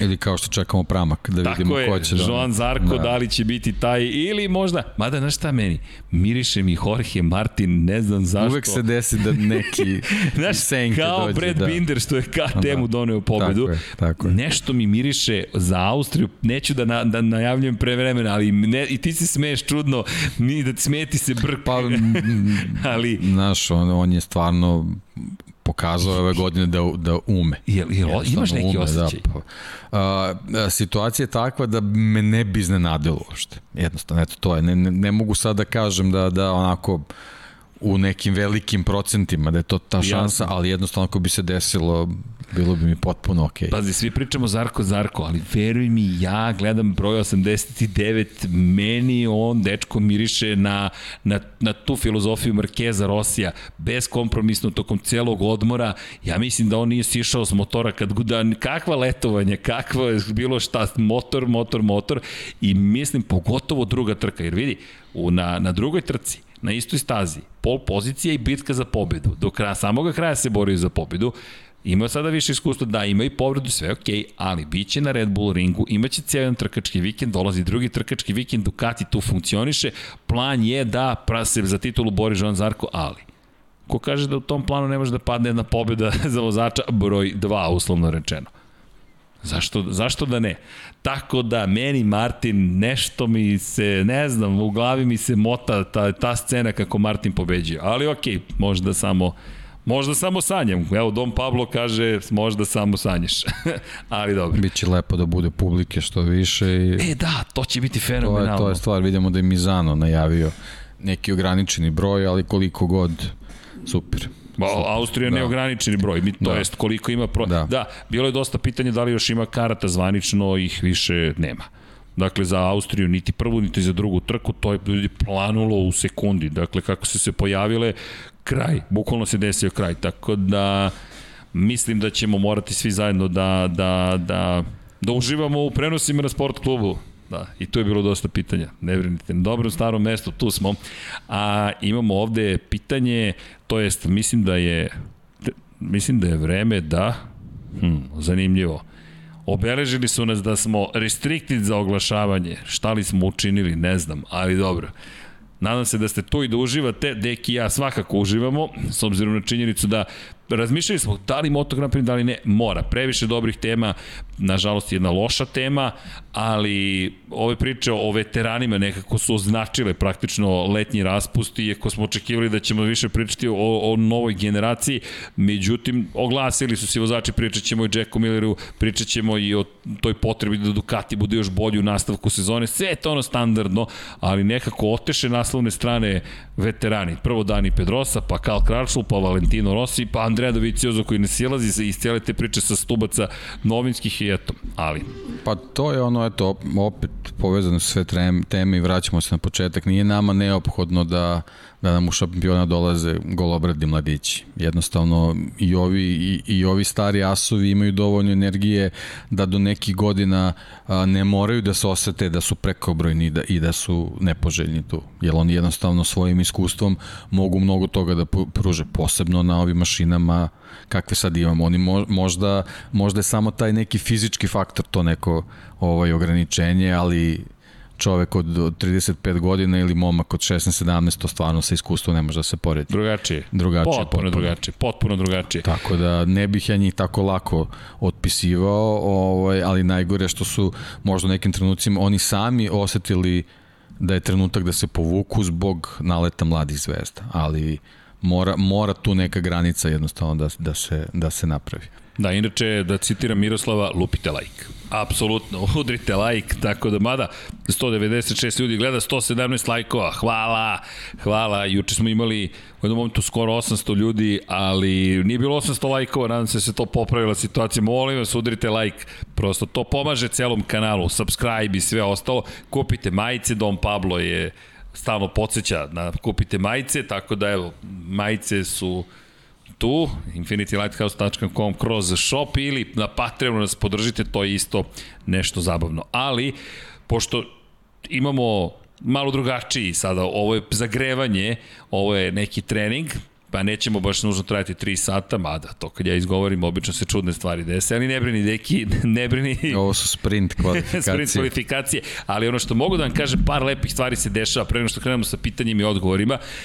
Stigle su nam neke knjige, uskoro će biti, ja se nadam sa nama, evo Dom Pablo me gleda čoveče, nije to završeno što ali ti znaš da ja uvek volim da to najavim i pre vremena. Vidite li one tamo enciklopedije, Werner Hefliger, e pa Infinity Lighthouse je uvezao 15 enciklopedija, 14, izvinjam se, jedna ide u Narodnu biblioteku Srbije. Zašto? Da bi bila deo kulture grada Beograda i Narodne Biblioteke Srbije, u Beogradu smo, u Republici Srbiji i odavde možemo, ovde možemo da uvezemo knjigi da ih prodajemo, tako da znate, Werner Hefliger je rekao, ok, vi želite da podržite ovo, podržat ću ja vas, tako da ćemo imati knjige u prodaju ko želi enciklopediju, Moto Grand Prix rezultati. Sada je već malo kasno, ali nema veze, dok smo naučili smo šta su JCI dokumenta, kako se kupuje, kako se carini, kako se skladišti i tako dalje. Sve to prođe do 2-3 meseca, no sledeća enciklopedija će biti spremna na vreme čim se pojavi, tako da znate da ćemo imati to na raspolaganju. Eto, širimo dalje celu priču, to je jedna od stvari. Deki imao neke ozbiljne sastanke, neću to ni da otkrivam, to neću da otkrivam, ali Deki mi je rekao, imaš malo vremena da, da prođemo neke, neke ideje koje imam, tako da Deki me dovodi u red, to će isto da bude dobro. Vanja, spremni smo, smeje se Dom Pablo. Vanja, tu je negde, ne znam tačno gde, a vreme je za pitanja, pa udrite. Da li imate neka pitanja za Dekija i mene? S obzirom na činjenicu da eto, još malo nam stižu trke. Lepo bi bilo da spomenete Spider Martina pošto je dobio wild card za SSP 600. E da, hvala Dejan Barbarez. Uh, Spider Martin, Martin Vukrinec, momak koji je vozio i Red Bullom kupu Novajlija i momak koji se takmiči u super sport kategoriji, generalno je neko ko, koga želimo da vidimo u studiju i mi se nadamo da ćemo to, to čak nije do Martina, to je bukvalno samo do nas, da se mi organizujemo dovoljno dobro i da ga pozovemo. Ja se nadam da li Zoom, da li u fotelji, mi volimo kada su ljudi fizički ovde prisutni, ali da, Spider Martin da se ispričamo sa njim. Srđane, pogledaj poruku na Twitteru, ta, taka Evo, Srki komisionari valja njegovu Bibliju. Pa ne valja mu Bibliju, nije to baš Biblija, ali ko voli rezultate, eto, tu smo. Nemamo pitanje, kaže Stomić. Dobro, idemo. Deki, gasi, motaj kablove, ako nema pitanja. Bravo za knjige, hvala Borise. Da, tako da Spider Martin, nemojte da brinete, e, pričat ćemo i Spider Martin i mislim da treba da, da, da ispratimo šta se to događa.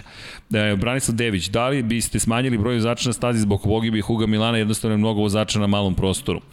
Ne znam da li bi to donalo rešenje. Pa mislim može da ne bude znam. jedno od rešenja, ali nije, ne znam, to, to bez, bez neke praktične provere ne možemo jednostavno da, da, ovaj, da znamo, pri tom staze su različite, konfiguracije su različite, to negde, negde može da predstavlja problem, negde, negde ne mora, ali ovaj, definitivno onako prilično uznemirujućeg deluje kad jeste to sve atraktivno, ali na, na onako malom prostoru tako ali, velike, veliki broj vozača punim gasom stvarno je. Ako, I posebno meni ono što što je smetalo, to smo od Barcelone pričali, te promene pravaca na, na pa, to na smerova više na, na, na pravcima, nego da. nužno da. broj, ali da. i, i to je lepo pitanje, broj. Da li 30 vozača je previše, da li je 20 vozača dovoljno. Opet kada smo imali 20 vozača, u, u Moto Grand Prix klasi i danas ih imamo 22, nemamo ih 30, je nekako činilo se kada su premale kategorije. Negde to Simon lepo rekao, Peterson, kada pogledate tih vodećih 15, tih 15 vodećih se izdvojilo. Ostalih 15 nije ni blizu, ne, ma, mnogo je manja opasnost, ali tih vodećih 15, ako smanjimo broj, i ne kažem da to nije rešenje, samo sada naglas diskutujemo, ako smanjimo na 20, imamo opet 15 brzih. Da li smo suštinski promenili nešto, pošto će se i timovi po logici stvari boriti za one najbrže. Ako su kvalifikacije to što dovodi do toga da zauzmete pozicije, opet će najbrže biti tu. Tako da nisam siguran da bi to pomoglo, ali to jeste i tekako vredno, vredno razmišljanje. Uh, po vama, po vašem mišljenju, ko dobije, ko dobije mesto u Yamahi? Luka pita. Ja iskreno mislim da, da, da Franco Morbidelli svakako ostaje na poziciji koju zuzima i uprko svim ovim događanjima i pričama što o Rosiju, što o Johnny Ray, ukoliko imam, imam dve, dva su mi razmišljanja. Jedno je da ćemo vidjeti neko potpuno novo lice, ne bi me čudilo da Petronas pokuša da ponovo, a to mislim da je greška, da ponovo nađe kvartarara, naći kvartarara, to se ne događa svaki dan, ili da će dovesti Andreju Dovicioza. Čak mislim da će Dovicioza da završi u Petronas Yamahi kako su stvari krenule u aprili, jer mislim da Aprilija zaista želi Maverika Vinjalesa. Da li je dobro ili loše, to, to je već nešto, neko drugo pitanje, ali to je, moj, to je samo moj utisak. Deki? Pa, možda još rano, ali ono, nekako otprilike to što si rekao i, i meni onako nekako prolazi kroz glavu pre svega vezano za, za Frankije, zato što zaista bih voleo da, da, da ga posle ove povrede vidim u, u, u ovaj maksimalnoj formi i da dobije priliku na, na, na fabričkom motociklu. To je ono što, što je ključno, a to što se ispričao za Petronas to je činjenica. Znači jednostavno ne, nema potrebe tražiti novog, novog kvartarara. Jer je, jer je teško da, da, da, ovaj, da, se, da se dva puta desi takav, takav pik. Pa mislim da je pogrešno da ti to bude strategija. Ako se desi super, ali strategije naći ćemo izuzetak tek tako, mislim da se to ne događa baš svaki dan. Ne, ne da se ne događa, nego da ćeš time ući u pogrešan pristup, da ti tražiš od nekoga ko sigurno nije kvartararo, postoji samo jedan kvartararo, ali je neko novo ime i prezime, da ćeš možda izgubiti to što ti taj neko može doneti u potrazi da nađeš kvartarara. Ne treba ukalupiti to u tu osobu, već reći, ok, to je nešto što, to je neko ko, ono što je tužno, što čovek koji bi mogao da te vodi u svetliju budućnost je neko ko bi mogao da bude trajno indisponiran posle ove sezone. Konkretno Franco Morbidelli. Ukoliko se zaista on ne izvuče, pre svega psihički, ja mislim da on to može, mislim da je dovoljno jak, naredne godine on treba ti bude vozač broj 1. To je, to je vrlo jednostavno. Ako se to ne desi, mislim da si tu izgubio ono što je bilo ključno i da sada prelaziš u fazu lutrije. Lutrija, redko ko izvuče lutriju, ide to onda bacanje kocke da su to opklade. Zanimljivo pitanje, iako nije za motociklizam, ali e, da li navijamo za Glickenhaus u šampionatu sveta u izdržljivosti e, iz obećava ekipa? Pa ne bih rekao da navijamo, ali eto, držimo im palčeve, može tako.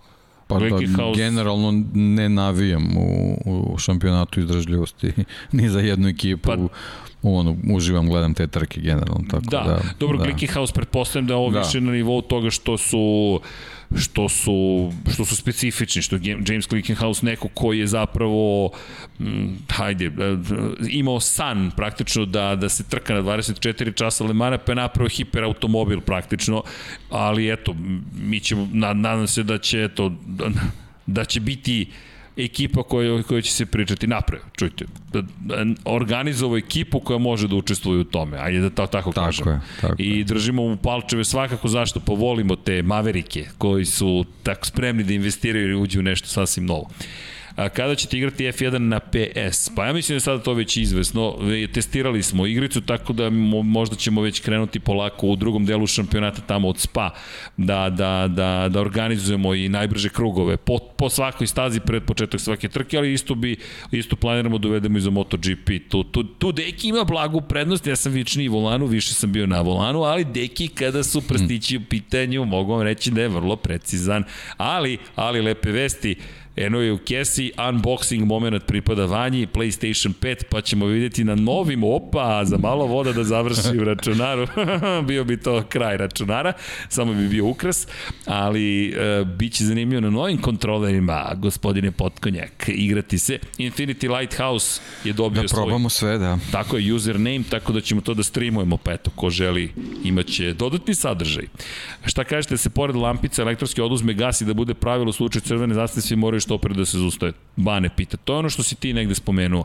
Da, ali, ali da, da se prepusti to oduzimanje gasa vozačima, to ne može, to do, dovodi do novih problema. Da, da nije kao automobil. Ne, ne, ne. Nije kao to jednostavno, vidim da je neko napisao, to je mnogo skupo. Ne, ne, ne može da bude skupo u šampionatima gde se desetine miliona evra, dolara vrti, ne može to da bude skupo da se 20 vozača ili motocikla opremi nekim elektronskim sistemima, da, da se s jednog komandog mesta u istom trenutku svi usporavaju na neki način. Ja sad ovo pričam sve hipotetički i, i, i na nivou žila verna, ali jednostavno to je nešto što što možda vidim kao neku situaciju gde je ovaj ponovo prepuštati ne, nekoj ljudskoj percepciji da on da ona upravlja time to je to je teško i teško od njih to očekivati. Znači jednostavno mora mora da da da se na neki drugi način neke neke stvari reše, ali ponavljam mislim ova situacija što se desila sa sa malim ugom jednostavno to je ne ne verujem da bi i takva neka ovaj tehnologija puno pomogla. Jer jednostavno sve se desilo u trenutku. Da, ali, ali kada je reč o investicijama, prosto to je dužnost. Naša. To je dužnost i da, klincima, da, to je ali dužnost, i pričanje o razvoju tehnologije iz ugla da je skupo, ne, u tim šampionatima se to ne gleda na taj način. I ne bi, ili ne bi smelo da se gleda? Ne, ne, mislim ne, ne apsolutno mislim da se ne gleda. Da, da je neko treba da, da, da gleda i da razmišlja da li je Halo System skup, da li je, ne znam, šta god, ne, apsolutno ne.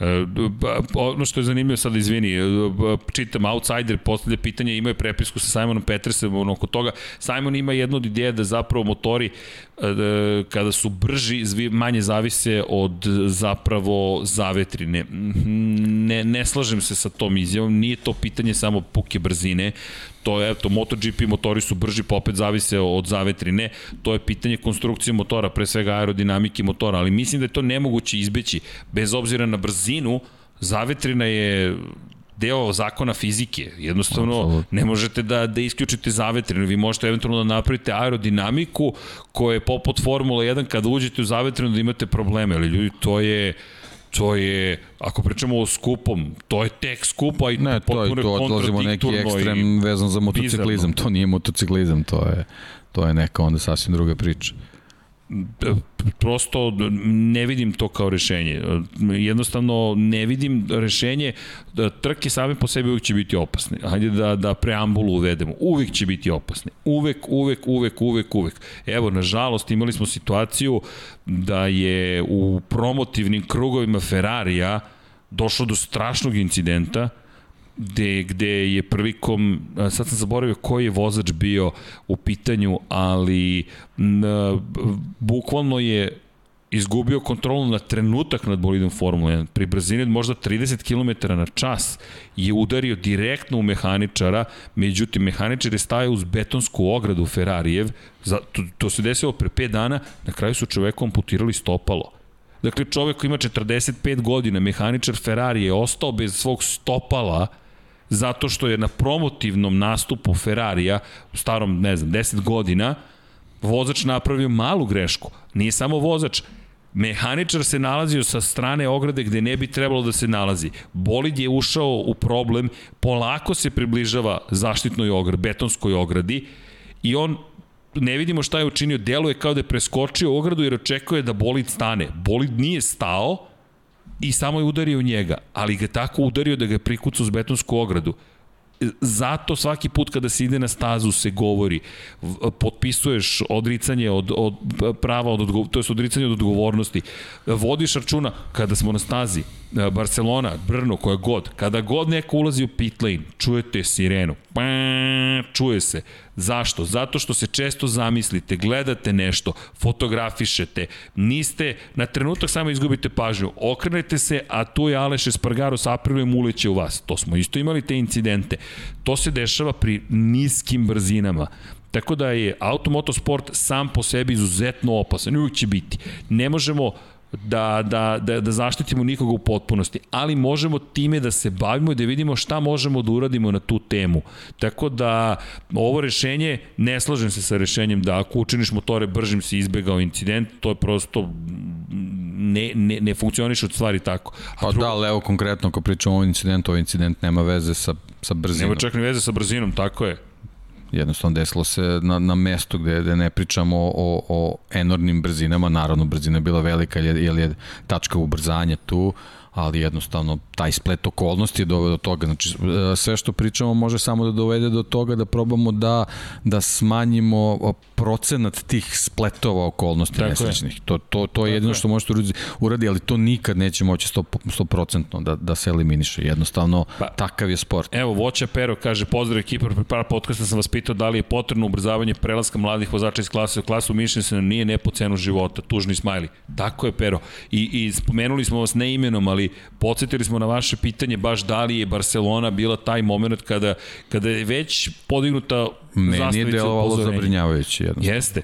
I, i bilo su pitanja, znam da sam ja odgovorio, rekao, pa i ranije smo gledali trke u kojima je veliki broj vozača, ali mislim da je sad ovo koktel koji, koji je previše opasan. Zašto? Razvoj tehnologije, guma, pogotovo guma, zaboravlja se, Dunlop odrađuje fantastičan posao, ali zahvaljujući tom fantastičnom poslu, mi dolazimo u situaciju, to nije kritika Dunlopu, do, do toga da su zapravo zaostavni put je sve kraći, ubrzanje se mnogo ranije de dešava u krivini uz ovo ubrzanje koje spominje Pero, a to je da se prebacuju iz Moto3 u Moto Grand Prix odmah u Moto2, da u 2-3 godine ti si završio uspon do Moto Grand Prix-a, ti zapravo, to je ono što smo negde na početku i, i, i pričali, sa 13 godina ti sebe već vidiš u Moto Grand Prix-u. Kakav Moto3, kakav Moto2, to su samo stepenice do samog vrha, a kada vidiš i da Kosta zaslužuje sve što dobija. Upravo sam to hteo, čekao sam da dođe do njega. Znači imamo van serijskog talenta gde, gde momko koji još nije punoletan mi, mi pričamo o Moto Grand Prix-u. Zašto? Zato što je to nešto što će se verovatno desiti. Znači, ali ne je, zato što bi to trebalo nužno to da se jednostavno desi. ne mora da se desi. Apsolutno. Ne mora. I, I ograničenje, na primjer, ja sam mislio da je 18 godina ograničenje za Moto2 klasu, nije, 16 godina je, 18 godina ograničenje za Moto Grand Prix klasu, da, komarci su nam negde uleteli u studiju i sada haraju, ali činjenice da Moto dvojke, na primjer, eto, ograničenje, ne možeš da uđeš u Moto2 ako nemaš 18 godina.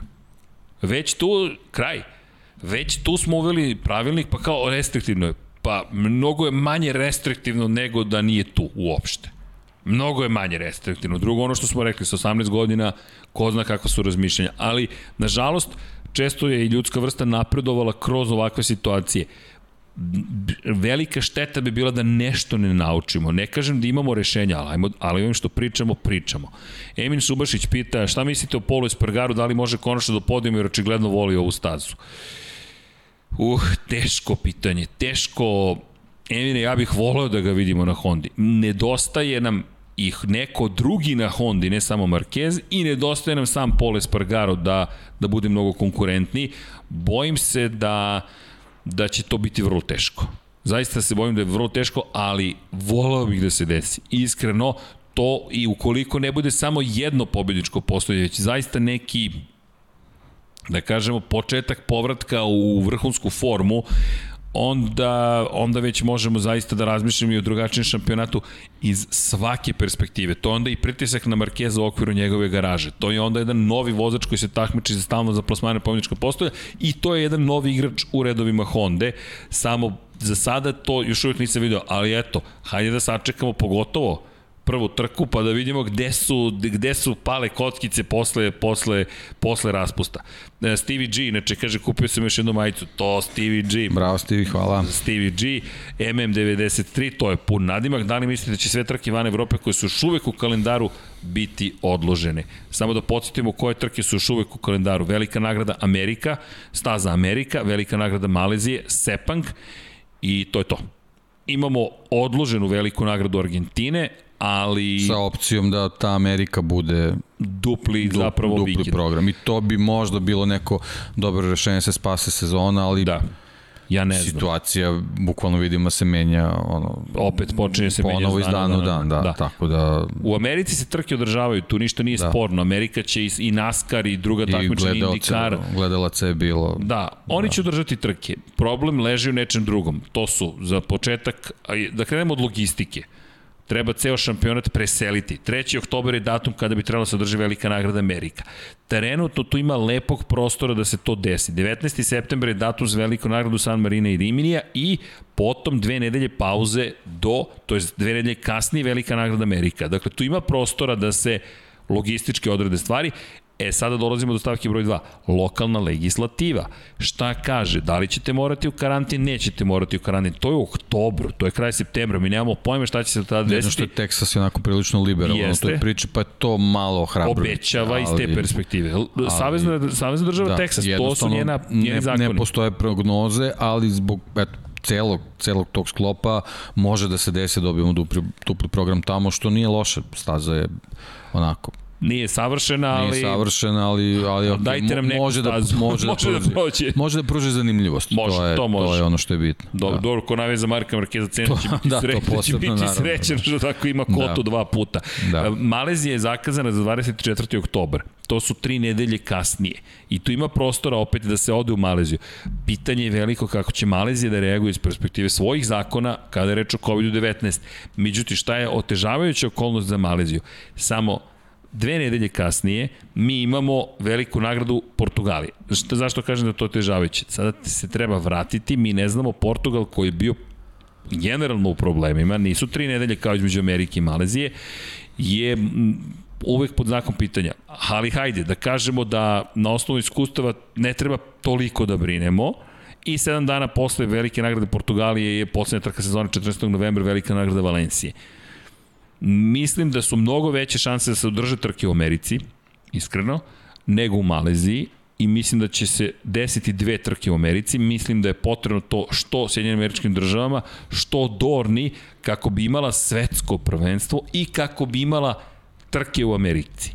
I Amerika je važno tržište, sada i postoje američki vozači ili makar jedan, mada i Cameron Bobije u Moto2 klasi, tu je i, i Joe Roberts, Tako da ja mislim da će se održati trke u Americi, makar jedna. Za Argentinu mislim da će... Ja da... mislim ako, ako bude priča o Americi će biti dve trke odmah. To. Mislim I da, da, da čekamo da, kada da. će zapravo biti otkazana je, velika nagrada Argentine. tolika logistika da bi se tamo vozila jedna trka u ovakvoj situaciji, mislim da, da nikom Slažem ne govara. Se. A da. otkazivanje da. Malezije ukoliko se desi, a verujem da će se desiti... Azija je prilično rigorozna u ovoj situaciji i zato su šanse Jeste. male. Samo, samo to, ništa drugo. Samo to. Ništa drugo. A, na, nažalost, Cepang je fenomenalna da. staza, ali dobro, možemo evo, evo da vidimo situaciju s našim kolegama sa RTS-a vezano za, za ovaj, olimpijske igre. Zarobljeni. Bili su avionu da, gde, gde je bila pozitivna osoba, bukvalno su u karantinu, ne kraj. mogu da rade svoj posao, ali, ali karantin je veoma rigorozan. Tako da, generalno, na, na, na azijskom tlu je takva neka to priča, tako da... Sad zamisli vozača... Neće, uh, nevezano za odluke u Maleziji, Dorna možda uopšte neće da ulazi u takav rizik da... da... Zamisli da ti je Marquez, tako Rossi i Quartararo, evo Quartararo koji vodi u šampionatu sveta, ode u Maleziju, bude u avionu sa zaraženom osobom i kažu, ok, ti si ovde dve nedelje. Molim? Pa, a, a trke? Bez treninga, bez, bez ičega. Bez znači, ičega? sediš u sobi i, i čekaš. I gledaš Lab 76 kako deki strke voze Formula 1. E vidi, rekli smo da ćemo voziti Maleziju, ako si ne vozi virtualno, malo pre sam izgovorio. Tako da, da možemo da odvezemo Maleziju i u Formula 1, mnogo je lepa staza. Ali pošto ako se otkazuje, to znači 10. oktobra bi bila druga trka u Americi, tri nedelje kasnije smo u Algarveu. Dovoljno prostora da sve protekne relativno bezbolno. Tako da mislim da će biti trka u Americi. Inače, samo da podsjetimo, velika nagrada Štajerske, Velika nagrada Austrije 8. i 15. augusta Red Bull Ring, 29. augusta Velika nagrada Velike Britanije u Silverstonu, 12. septembra Velika nagrada Aragona Motorland Aragon 19. septembra velika nagrada San Marina i Riminija i onda kreće ovaj period koji smo opisali već otkazane velike nagrade Finske, velike nagrade Japana, velike nagrade Tajlanda i velika nagrada Australije, odložena velika nagrada Argentine, ali eto, to smo sad rekli, očekujemo pa, da... to je onako nekako očekivano, da. Jeste. Da. E, da li mislite, da, to smo odgovorili. Kada pravimo Moto3 ekipu, Mistula, sledeće godine ja mislim da možemo da krenemo polako, da napravimo Kickstarter kampanju ili nešto slično tome i da krenemo. Dom Pablo, glava ga boli, ali sami ste ušli u studiju na kraju univerzuma i tako. Tako da, ali zaista to, sad je već to, pustili smo sve da se kotrljaju točkovi i ja se ne nisam šalio i poslovni plan je spreman, sve je spremno, pa da idem, da krenemo. Od negde mora da se krene da ne znam za vas, ali meni ovaj Ducati Lego iza deki je strašno me potiče na Kawasaki ZX 10R kao Rea što vozi u Superbajku. Pa, nisu mu baš boje da, Kawasaki. Zbog kratkog repića. Da, to, to, to, da. to. Da su naranđaste makar pa da pričamo o Kawasaki, ali, ali okej. Okay. Ali okej. Okay. To je još jedna stvari koje treba uraditi. Ništa ne treba da gledati, ako gledamo iz ugla bezbednosti, niko ne treba da vozi. Hm, Stevane, to je malo ekstremno, ali, ali dobro. Da li postoji šansa za Portak Bridgestone u neko skori vreme od sledeće godine, na primjer? Ne. Ne, ne, ugovor postoji, na tri godine se potpisuje ugovor o jedinstvenom, to jest jedinom snabdevaču gumama za Moto Grand Prix kategoriju. Michelin ima taj ugovor i oni su ga produžili, tako da prva šansa da se to desi je kada bude isticao taj ugovor. Ali, da bi se neko drugi pripremio, najmanje godinu i po ranije, Michelin bi morao da kaže neće da učestvujem u tenderu uopšte, da bi neko mogao da uđe. Tako da, polako o tome. Stevan S. vozači treba da se pitaju o promenama, donekle. Treba da se pitaju, ali ću ja, ja ću da dodam do nekle zašto. Zato što ako pitate vozače, oni će reći ne dirajte ništa. I ne pričamo o punoletnim vozačima. Pričamo o maloletnim vozačima, to je ono što stalno napominjemo. Mi ne tražimo da se menja Moto Grand Prix klasa, ne tražimo da se menja Moto 2 kategorija, tražimo da se povede računa, čak ne ni Moto trojkama toliko, o Moto trojkama da se priča s tim momcima, ali u nižim kup takmičenjima mora nešto da se uradi. Jednostavno previše se često dešavaju ovakve stvari. Šta je to? Kažem, nemamo odgovore, ali ajde da razmišljamo o tome i ono što govorimo, pričamo o klincima, 12, 13, 11, 14 godina to nije isti nivo zrelosti ličnosti, ni blizu. Ja, ja ne mogu da prihvatim tu iluziju. E, deca su danas zrelija nego što su... Deca su deca. To je psihofizički moment. Mi pričamo o hemijskom, fizičkom razvoju jednostavno mozga i ostatka tela. Vi se hormonski menjate. Ljudi, ne smo zaboravili kad smo bili tinejdžeri. Ja, našao sam fotku kad sam bio tinejdžer, jao, deki, imao sam kosu ljudi, sad, evo, možete da vidite, evo, ovo se zove čelo. Ne, to nije čelo, to je odsustvo kose. Kad ste klinac, imate dugu kosu, onda imate te uspomene iz srednje škole. Zato mi samo o tome pričamo. Pozdrav, šta mislite, može li se odabirom određenih staza smanjiti mogućnost da ovakvih nesrećnih slučajeva se desi koje se desilo Hugo, čisto da izaberu određene staze koje su preglednije i sporije, Mario Vidović. Pa ne vidim, pa. nažalost ne vidim ni tu rešenje. Znate kako? Šta znači preglednije, šta znači sporije? Uvek imamo, uvek imamo da. neki problem. Da. Uvek postoji jedna slepa krivina. Ne znam, od, od staza kojih se eventualno malo plašim jeste krivina 8 u Algarveu. U Portimao ono mi jeste zastrašujuće. Onaj, setite se Arona Kanea kada je pao s motora i ljudi prelaze preko prevoja i tu je odjednom Aron Kane na sred staze. To je, to je na primjer, jedino mesto koje me zaista plaši. Čak ni mu djelo, ne toliko. Dupaskijeva pogibija je splet nesrećnih okolnosti. U kom smislu? Sergio Garcia, ne krivim Sergio Garciju, ga je napao u Arabijati 2. To se redko radi čak i u trci. On ga je napao u kvalifikacijama u, po, u želji da ima što brži krug. Dupotski je sišao sa idealne putanje. U tom momentu ne pušta gas ne pušta gas, želi brzi svoj krug, gubi kontrolu nad zadnjim krajem. Preko prevoja izlazi Arabijate 2 to je splet neverovatnih okolnosti to je ono što, to, to, sad, kako da kažete Dupaskijel, pusti gas, baš nas briga, pa to je priča koju smo pričali sa Markom Simončelim, samo da je pustio onaj motor i nastavio da kliza, nije ga pustio, ali to je sad to, e, tu ima i pritiska, pritisak, moraš da uspeš, moraš da uspeš, ali to čak i u Moto Grand Prix postoji, tu ne vidim da će se to, to rešiti. Nisam siguran da, su, da, da, da bi sporije staze, opet, dovoljno ovo što je Deki rekao, ovo je na ubrzanju se desilo, ovo nije, Ovo nije čak ni, mom, ni nisam, nije čak ni pitanje pravca, nije čak ni pitanje... Ma da, ali ovo je isto, isto ono, tako mali trenutak za, za odluku Jest. da je Ugo ostao iza motocikla da svi prođu i druga priča je bila jednostavno to su ti spletovi koji, na, na koji ne možeš da utičeš bilo kakvim odlukama i promenama, ali na neke druge stvari možeš, da, da jednostavno ne gledamo decu 13-14 godina da dolaze u takvu situaciju. To, bukvalno to. Inače, e, pitanje za Drive to Survive, ala Drive to Survive MotoGP serijal Netflix koji snima, Netflix, proste Prime, Amazon Prime sad, kakva greška. Ali dobro, Netflix je prvi postavio standarde. Dakle, Amazon Prime, pa najavili su u januaru, poslednje vest koju smo imali jeste došla krajem marta, početkom aprila zapravo, tako da nemamo neku novu informaciju. Prilike tada bi trebalo da se, da se zapravo desi. Pozdrav ekipa, to, smo već, to sam već pročitao.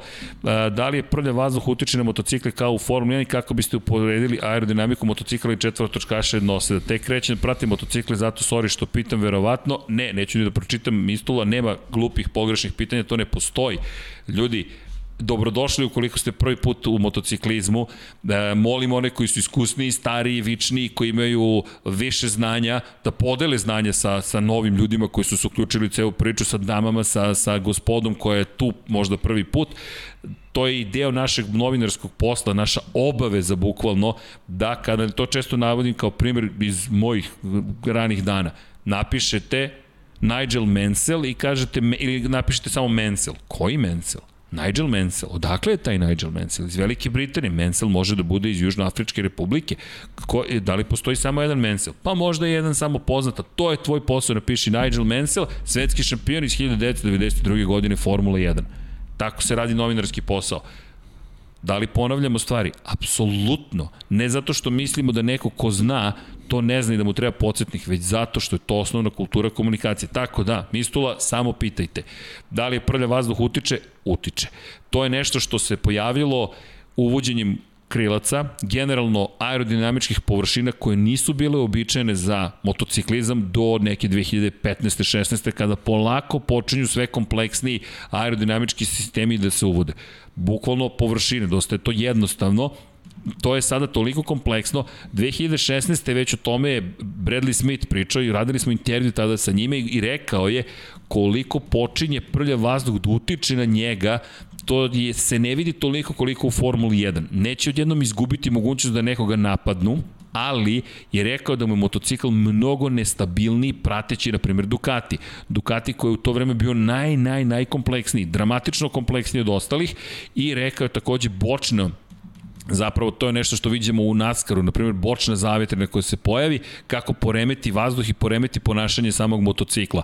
Dosta se radilo na tome da motocikl zapravo i aerodinamika podrazumeva da se nađe u zavetrini nečijoj, ali kada bismo ukinuli sada ove aerodinamičke površine, mislim da bismo imali dramatične promene i u brzinama i u ponašanju različitih motocikala. Tu bismo zapravo videli koliki je njihov efekt. Ducati i tekako može da se zahvali aerodinamici što je obuzdao prednji kraj, na primjer. Jedan od najtežih poslova za motore tog tipa, MV motor, ugao 90 stepeni između redova cilindara, isporuka snage brutalna, teško kontrolisana čak i elektronikom i aerodinamika to odigrala veliki ulogu, u veliku ulogu. Ispod samog motocikla takođe imate nešto što je poput viljuške, e, oprostite kašike, što, što skuplja praktično vazduh, kontroliše se temperatura pneumatika, ali takođe utiče na obstrojavanje vazduha i ima uticaj, samo što je mnogo manji, konačno mnogo manje i površina za razliku od Formule 1, ali o tome se priča već nekoliko godina.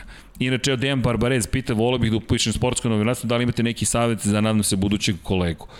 Dejane, Savet u Savet, smislu škole u, ili... Pa ja mislim obe stvari, ali I što se tiče škole, tu ćeš biti rezervisan, nisam diplomirao niti fakultet političkih nauka, da. niti da. bilo koji fakultet, četvrta sam godina japanskog jezika i književnosti, par stvari.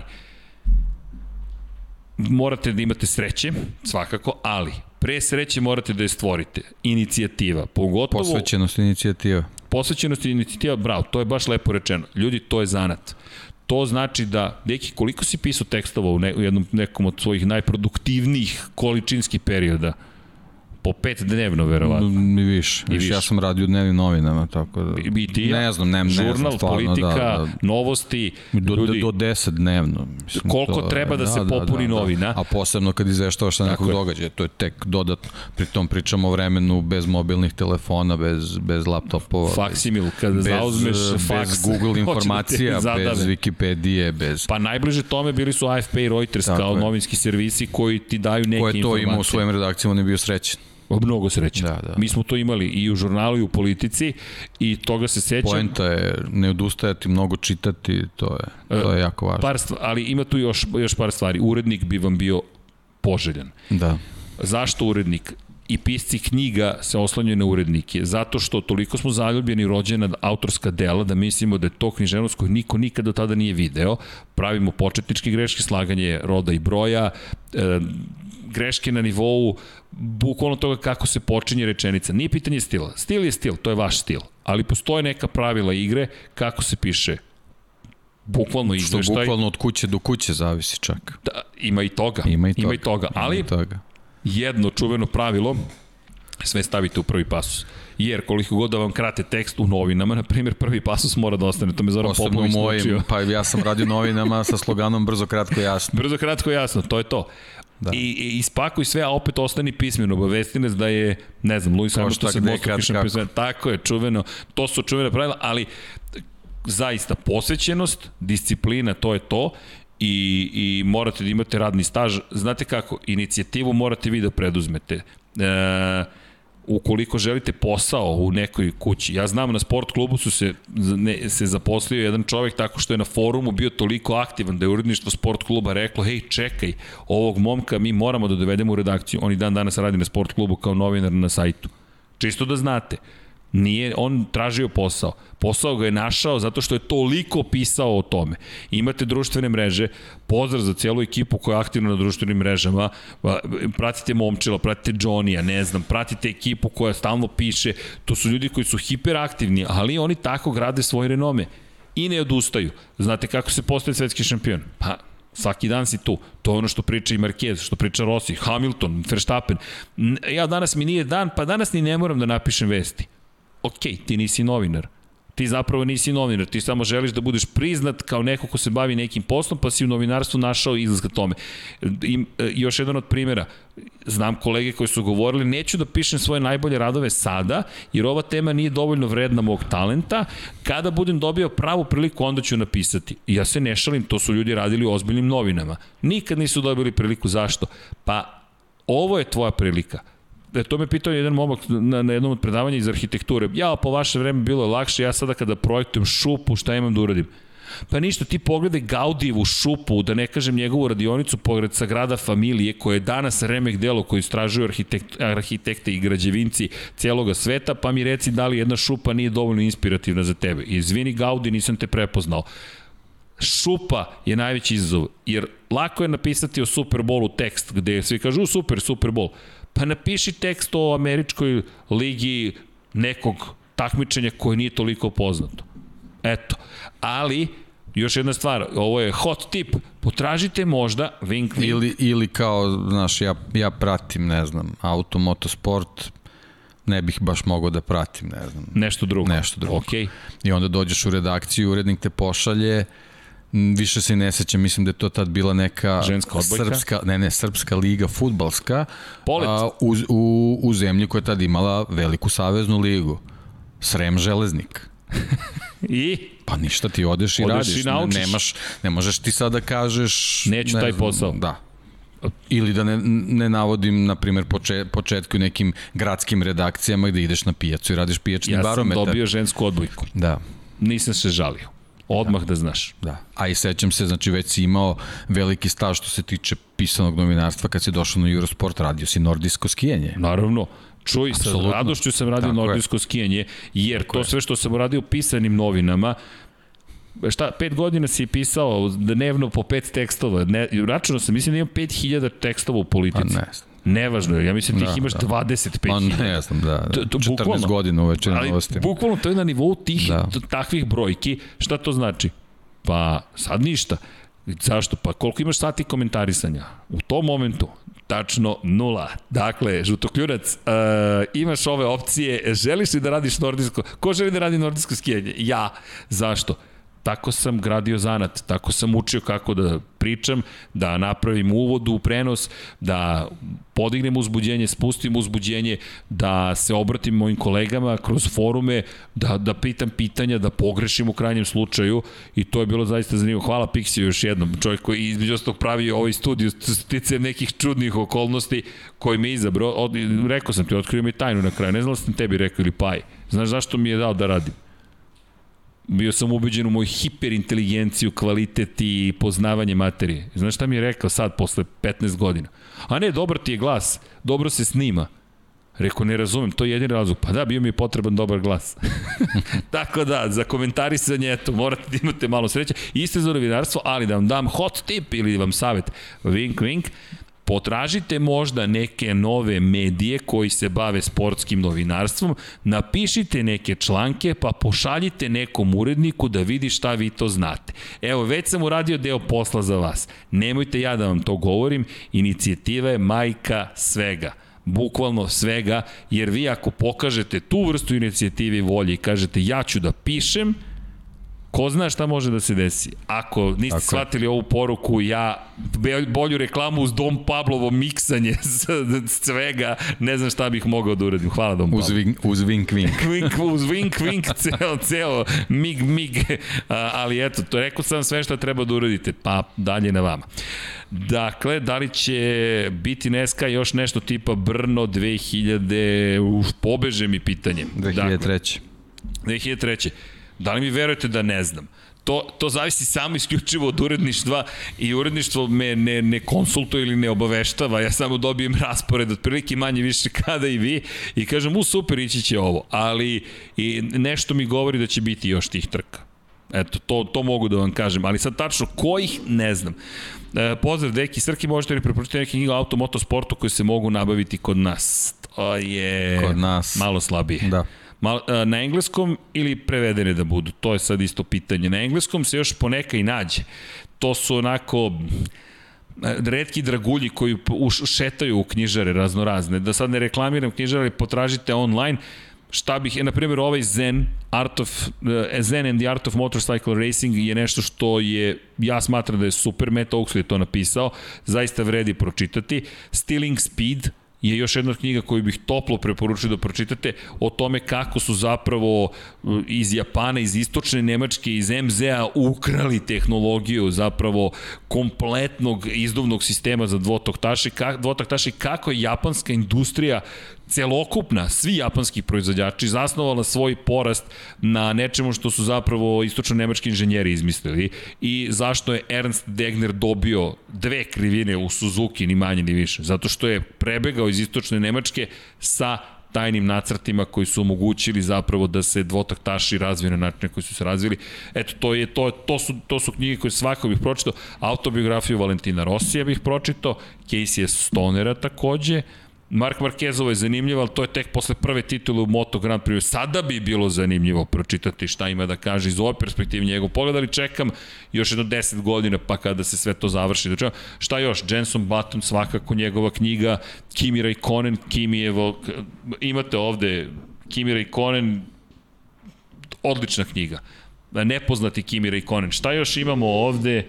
Pirana klub. Ako možete da nađete klub Pirana, The Pirana, The Pirana Club, to vam je možda najbolji uvod u savremenu Formulu 1 i kako je erom Mihajla Šumahira, Vilija Webera i tajnih pregovora po hotelima počela jedna hiperkapitalistička era praktično Formula 1, gde su prekršena neka do tada nepisana, ali nesalomiva pravila.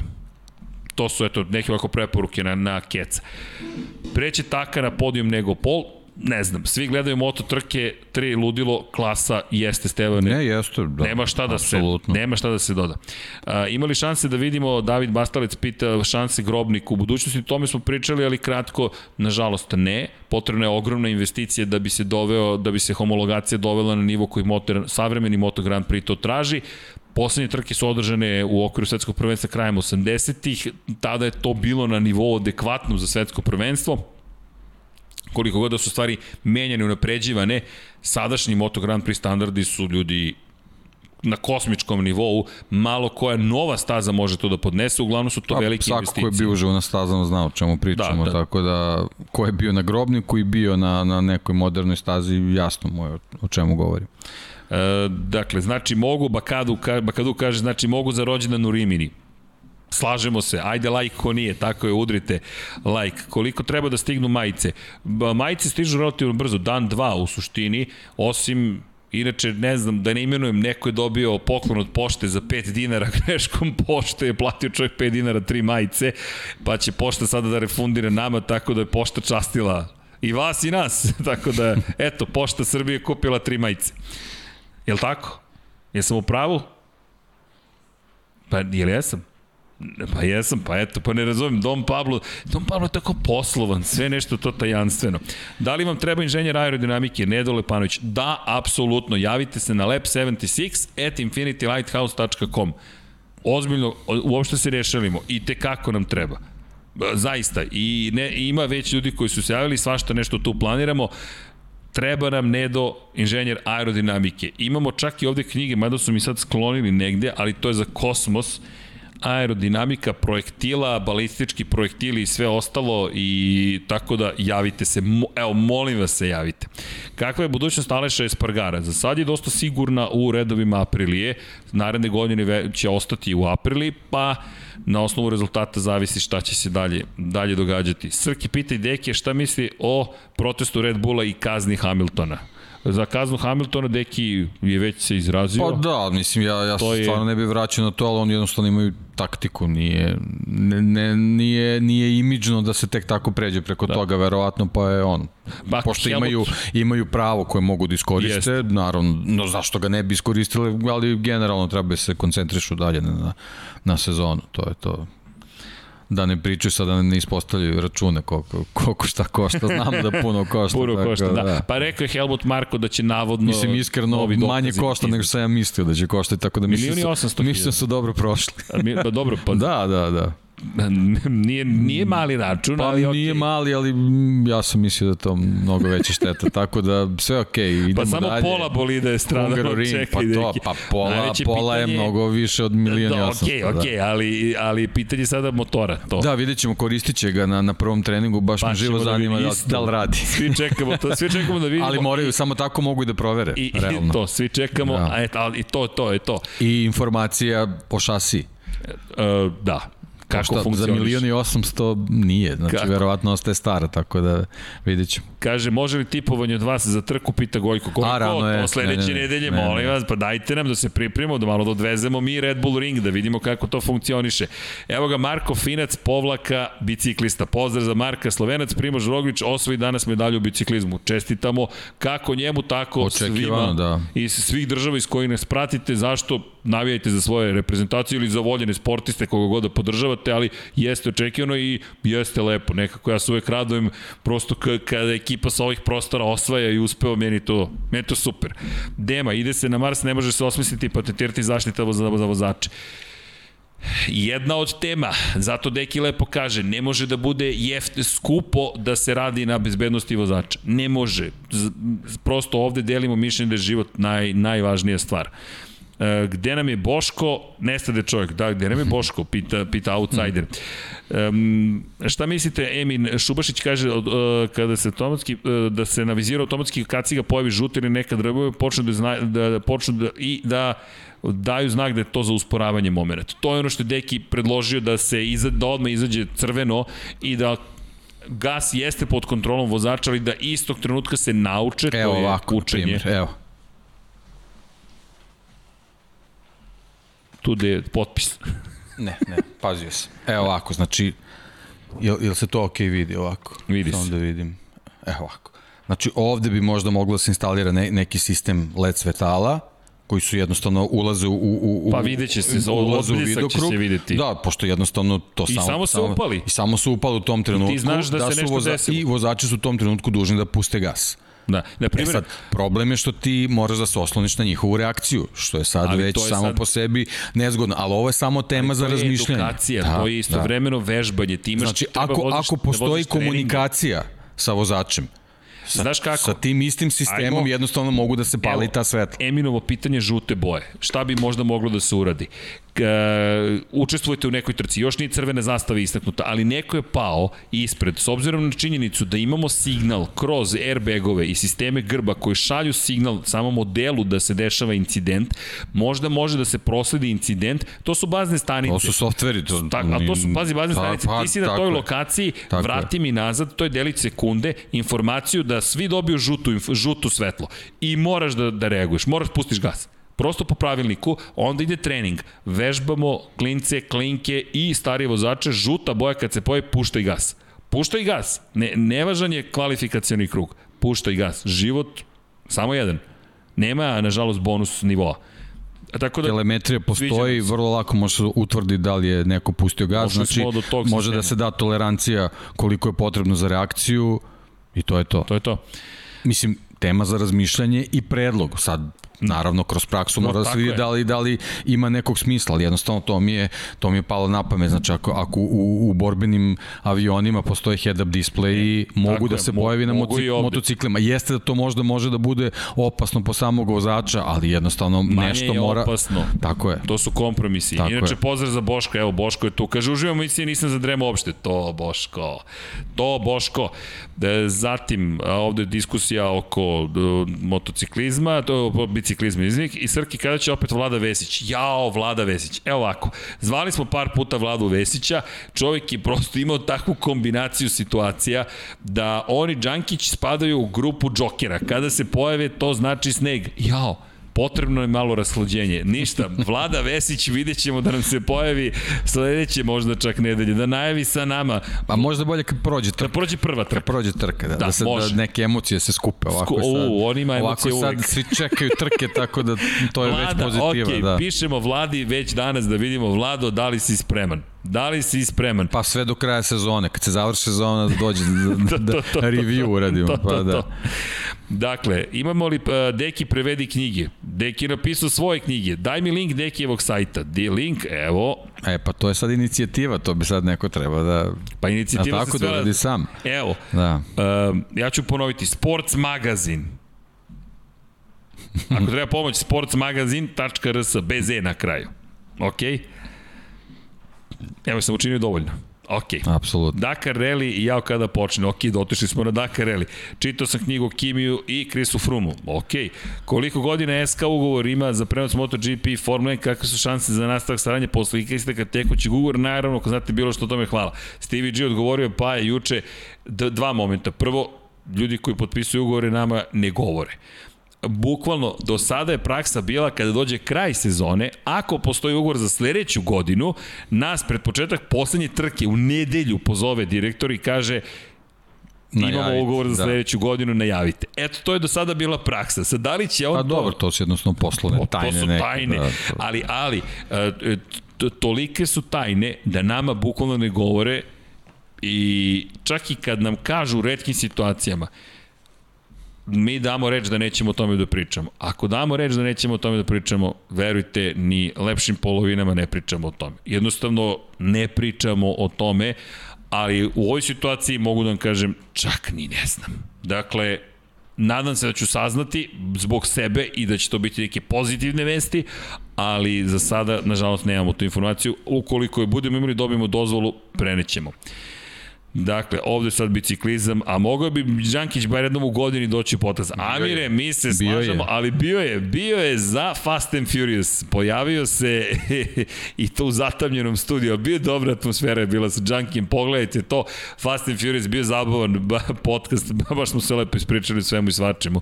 Ali da, gospodin Đankić bi mogao. Šta mislite da je osnovni razlog za pad forme kvartarara prošle sezone i šta se tu toliko promenilo kod njega samog i kod motocikla?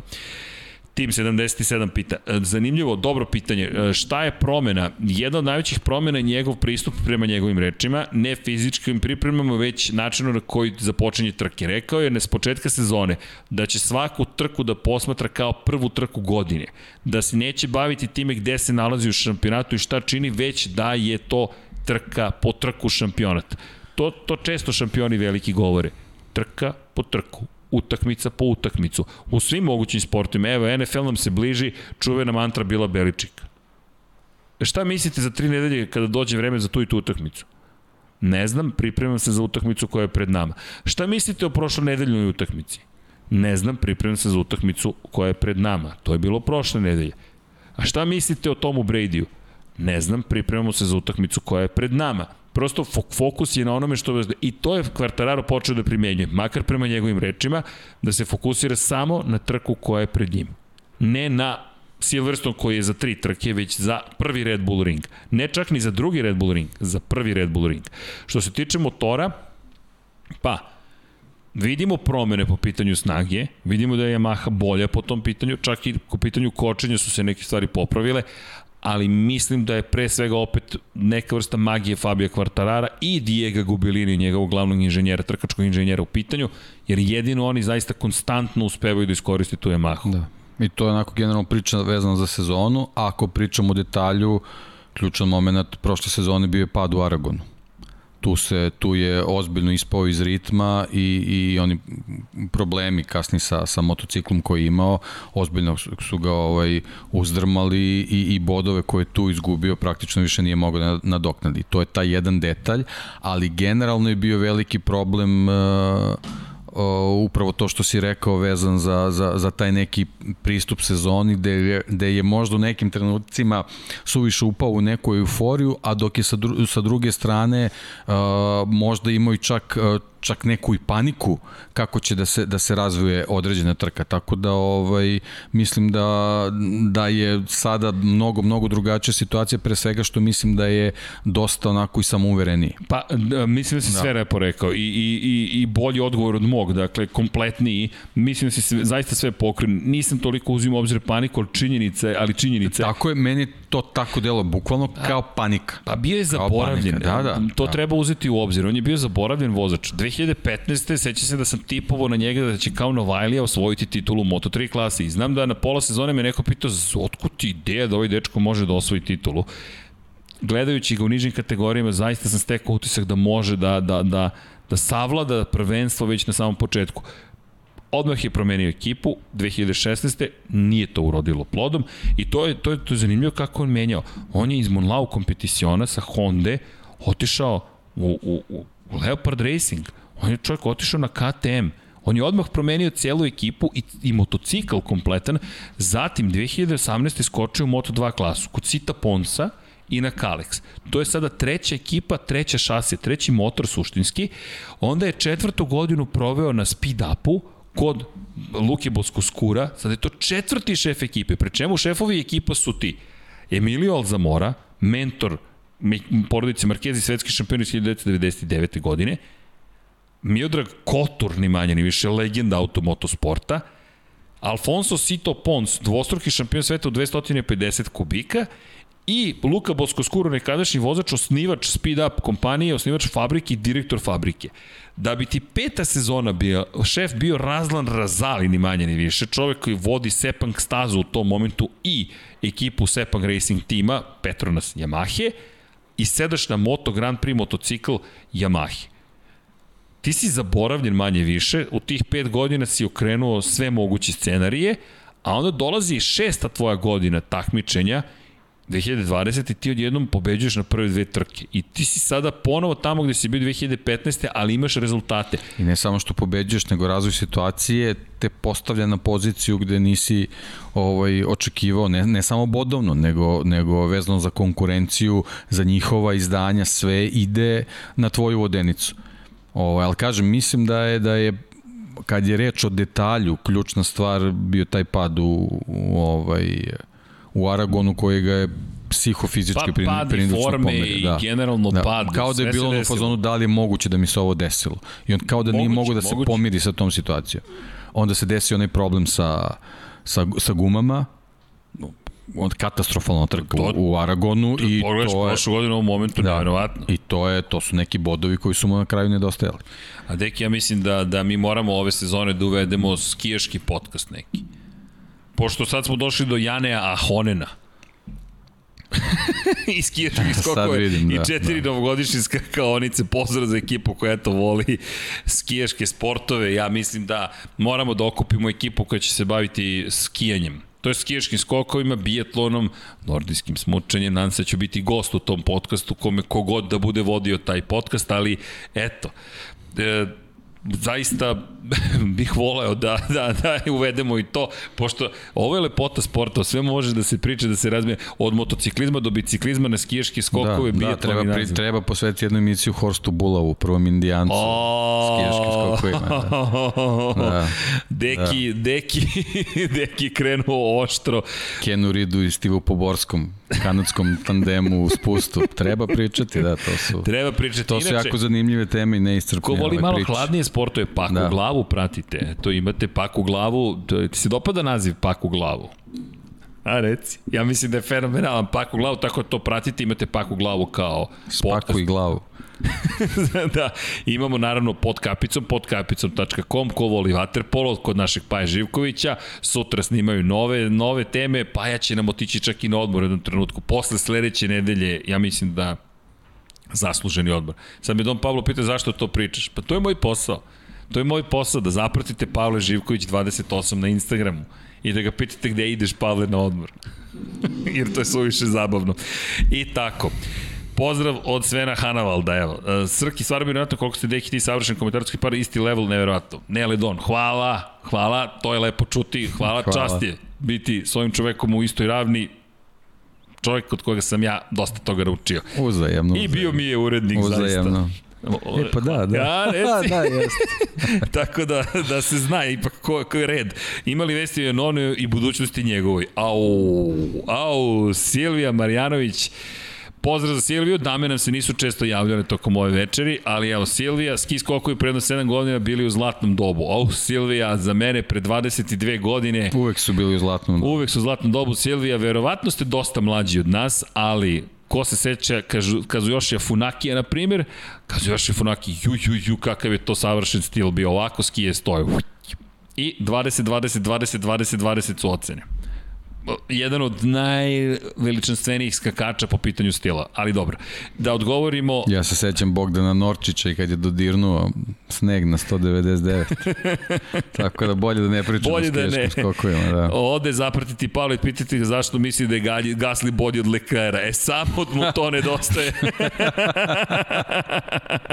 Inače, dogovorimo Silviji Marjanović. Silvija, um, Andreja Janone je u nekoj modnoj industriji povlaka vođenju kafića i potpuno je promenio imidž ponovo i mislim da ulazi jednu novu, u novu, novu fazu, da je davno ušao u novu fazu svoje karijere, ali kao trkač bojim se da, evo, pogledajte koje probleme Rossi ima. Rossi nije, Rossi vozi, da ponovim stoti put, svoje najbrže krugove u karijeri na stazama. On nikad nije vozio brže krugove u karijeri na ovim stazama i to nije dovoljno dobro.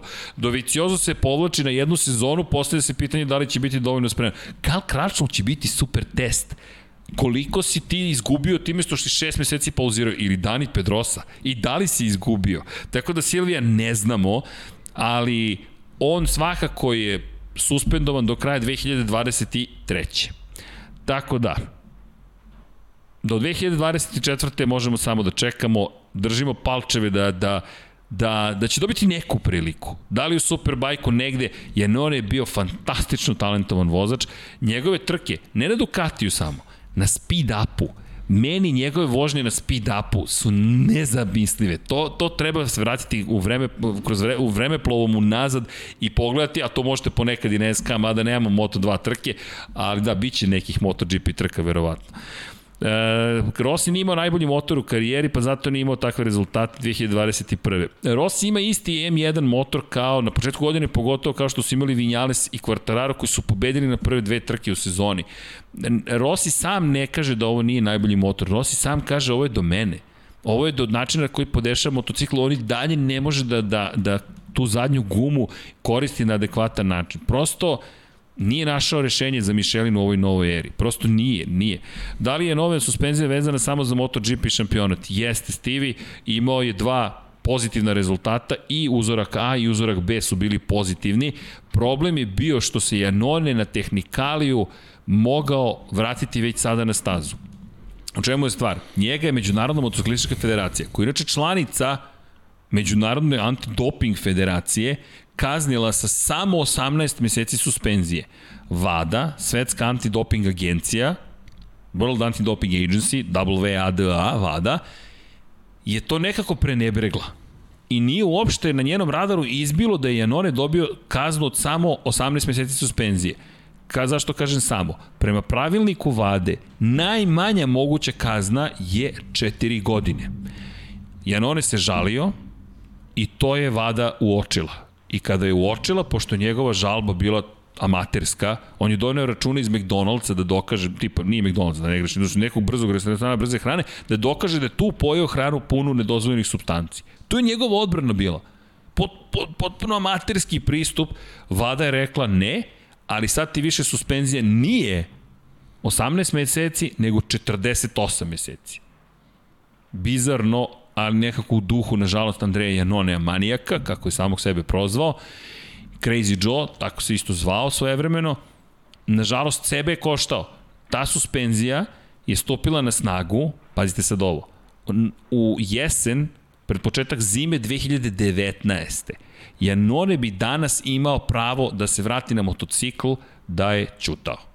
Bukvalno da je čutao, on bi danas ponovo imao Sad bismo da pričali u Aprili i Janone. Tako je. I Aprili je bila u svog čoveka i čekala ga je i ne bismo pričali o Salvadoriju, Doviciozu, Lorencu, kome god, Maverico Vinjale su, već bi na tom motoru sada sedeo Andreja Janone. Možda, Potencijalno, da, da. Eto. Ovako, da, ovako sigurno ne. Tako je.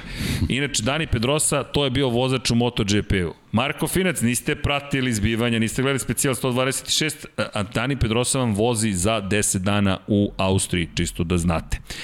Tako da, u, ako smijem da se nadomišljam za Fabio, prošle dve godine, dve boda iz dve trke, da li će dupli vikend biti presudan za njegovu sezonu, pogotovo je za ne ide Mahinim. E, to, to, to je za sledeću nedelju već. To je već najava sledeće trke. To, to ćemo, tim 77, na, sledeće nedelje ćemo o tome pričati, tu ćemo najaviti. Pošto smo stigli do planice i svetskih rekorda od 181 metra i slično, vreme je da se polako ili sigurno pozdravljamo. Bilo je dosta pitanja, nadam se i dosta odgovora. Pohvala... Bili smo malo kraći nego inače. Malo, ne mnogo. Ne, čekaj, ipak. Ali dobro, dosta pitanja. Nadam se da ste uživali. Ja znam da je Deki 100% uživao. Šalim se, naravno da je uživao. Super, mi uživamo ovo, mi se zabavljamo. Super. Čak se i Dom Pablo osmehuje. Ljudi, to je ozbiljan rezultat. Vanja je otišao na trening. Ne, nije, otišao je bolje da ću. Dobro, otišao na trening jače od mene, večeras je kulturno veče. Ne, eto, neka ostane na tome i lepo je videti Vanja širi krila, neke nove stvari uči i tako dalje. Ali to neka Vanja priča kada se pojavi sledeće nedelje. Znaš da ako pobedi sledeće nedelje Ferrari stiže Vanja ali dolaziš i ti, ima četvorice da sedimo ovde. I onda da kakofonija bude apsolutna. Kao četverac u Bobu. Tako je. Tako je, pa ima Hope, Lehman, Muziol, Schauerhammer. DDR1, čuvena posada. Da. I tako. Imaćemo specijalo Wolfgangu Hopeu jedan dan. O Wolfgangu Ayrton Hopeu? Sena Boba. ok, deki je upao. Jel želite da završamo? Ja mislim da, ok, ipak, ok. Ovo je za 37 sati, to je sledeće. Dakle, da, nadam se da ste uživali, vodite računa jedni drugima, vozite računa jedni drugima, mazite se i pazite se, pošaljite neku poruku na 3030 ili u kojoj god državi da živite, neka humanitarna akcija ukoliko postoji. SMS-ovi su nekako najbrži, ali Ima i drugih načina. Ne znam, dajte dobrovoljno krv, pomozite komši, uradite nešto lepo, pozitivno, očistite ulaz, banalizujem, parkić u blizini, budite ljubazni jedni prema drugima, pažljivo vozite, pogotovo s ovih 40 stepeni svugde u regionu, gori beton bukvalno i utiče na ljude, vozite zaista računa jedni od drugima, to nam je nova uzrečica držite se zajedno nekako, gledajte naravno MotoGP, gledajte Formulu 1, stiže Formula 1 ovoga vikenda, narednog vikenda se vraćamo na stazu, završit će se raspust, pa će profesor Potkonjak da krene u akciju analize, e, to, Dom Pavlo, to, svi smo raspoloženi večeras, ali evo, časovnik kaže 11 časova i 18 minuta, vreme da se polako javljamo, Ukoliko želite da nas dodatno podržite, udrite like, subscribe, nemojte notifikacije, čak ne mogu da vam tražim notifikacije, ili stavite notifikacije ako želite, ja stvarno ne mogu da upalim ono zvonce, meni je to neko, o, stalno zvoni telefon. da to uradite za Infinity Lighthouse. Ali, kupite majice infinitylighthouse.com kroz shop, Zašto? Pružite nam podršku, a i neverovatan je osjećaj kada se nekako sretnete s ljudima koji imaju Lab 76 majicu, mnogo je le, lep osjećaj, zaista divan.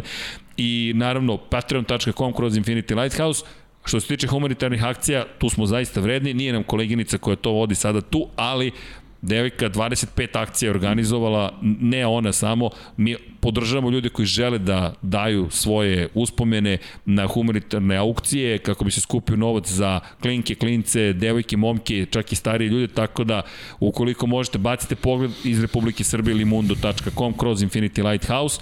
I generalno, eto, uživajte u ostatku večeri, mi se družimo ponovo sledeće srede, već sada mogu da potvrdim što se tiče Moto Grand Prix-a, kako stvari stoje, cijela ekipa će biti na okupu iza 99 yardi tamo 6. avgusta u petak uveče od 21 1.00 i nadam se da ćemo se lepo zabaviti. Ima i tamo zanimljivih vesti, pa neki produženi ugovori, neke nove lica se pojavila, neka stara lica ostaju u svojim timovima i tako dalje, tako bliže. I da završimo ovu najdežu odjevu koju smo ikada imali. Želim vam laku noć i naravno, čao svima! Ćao!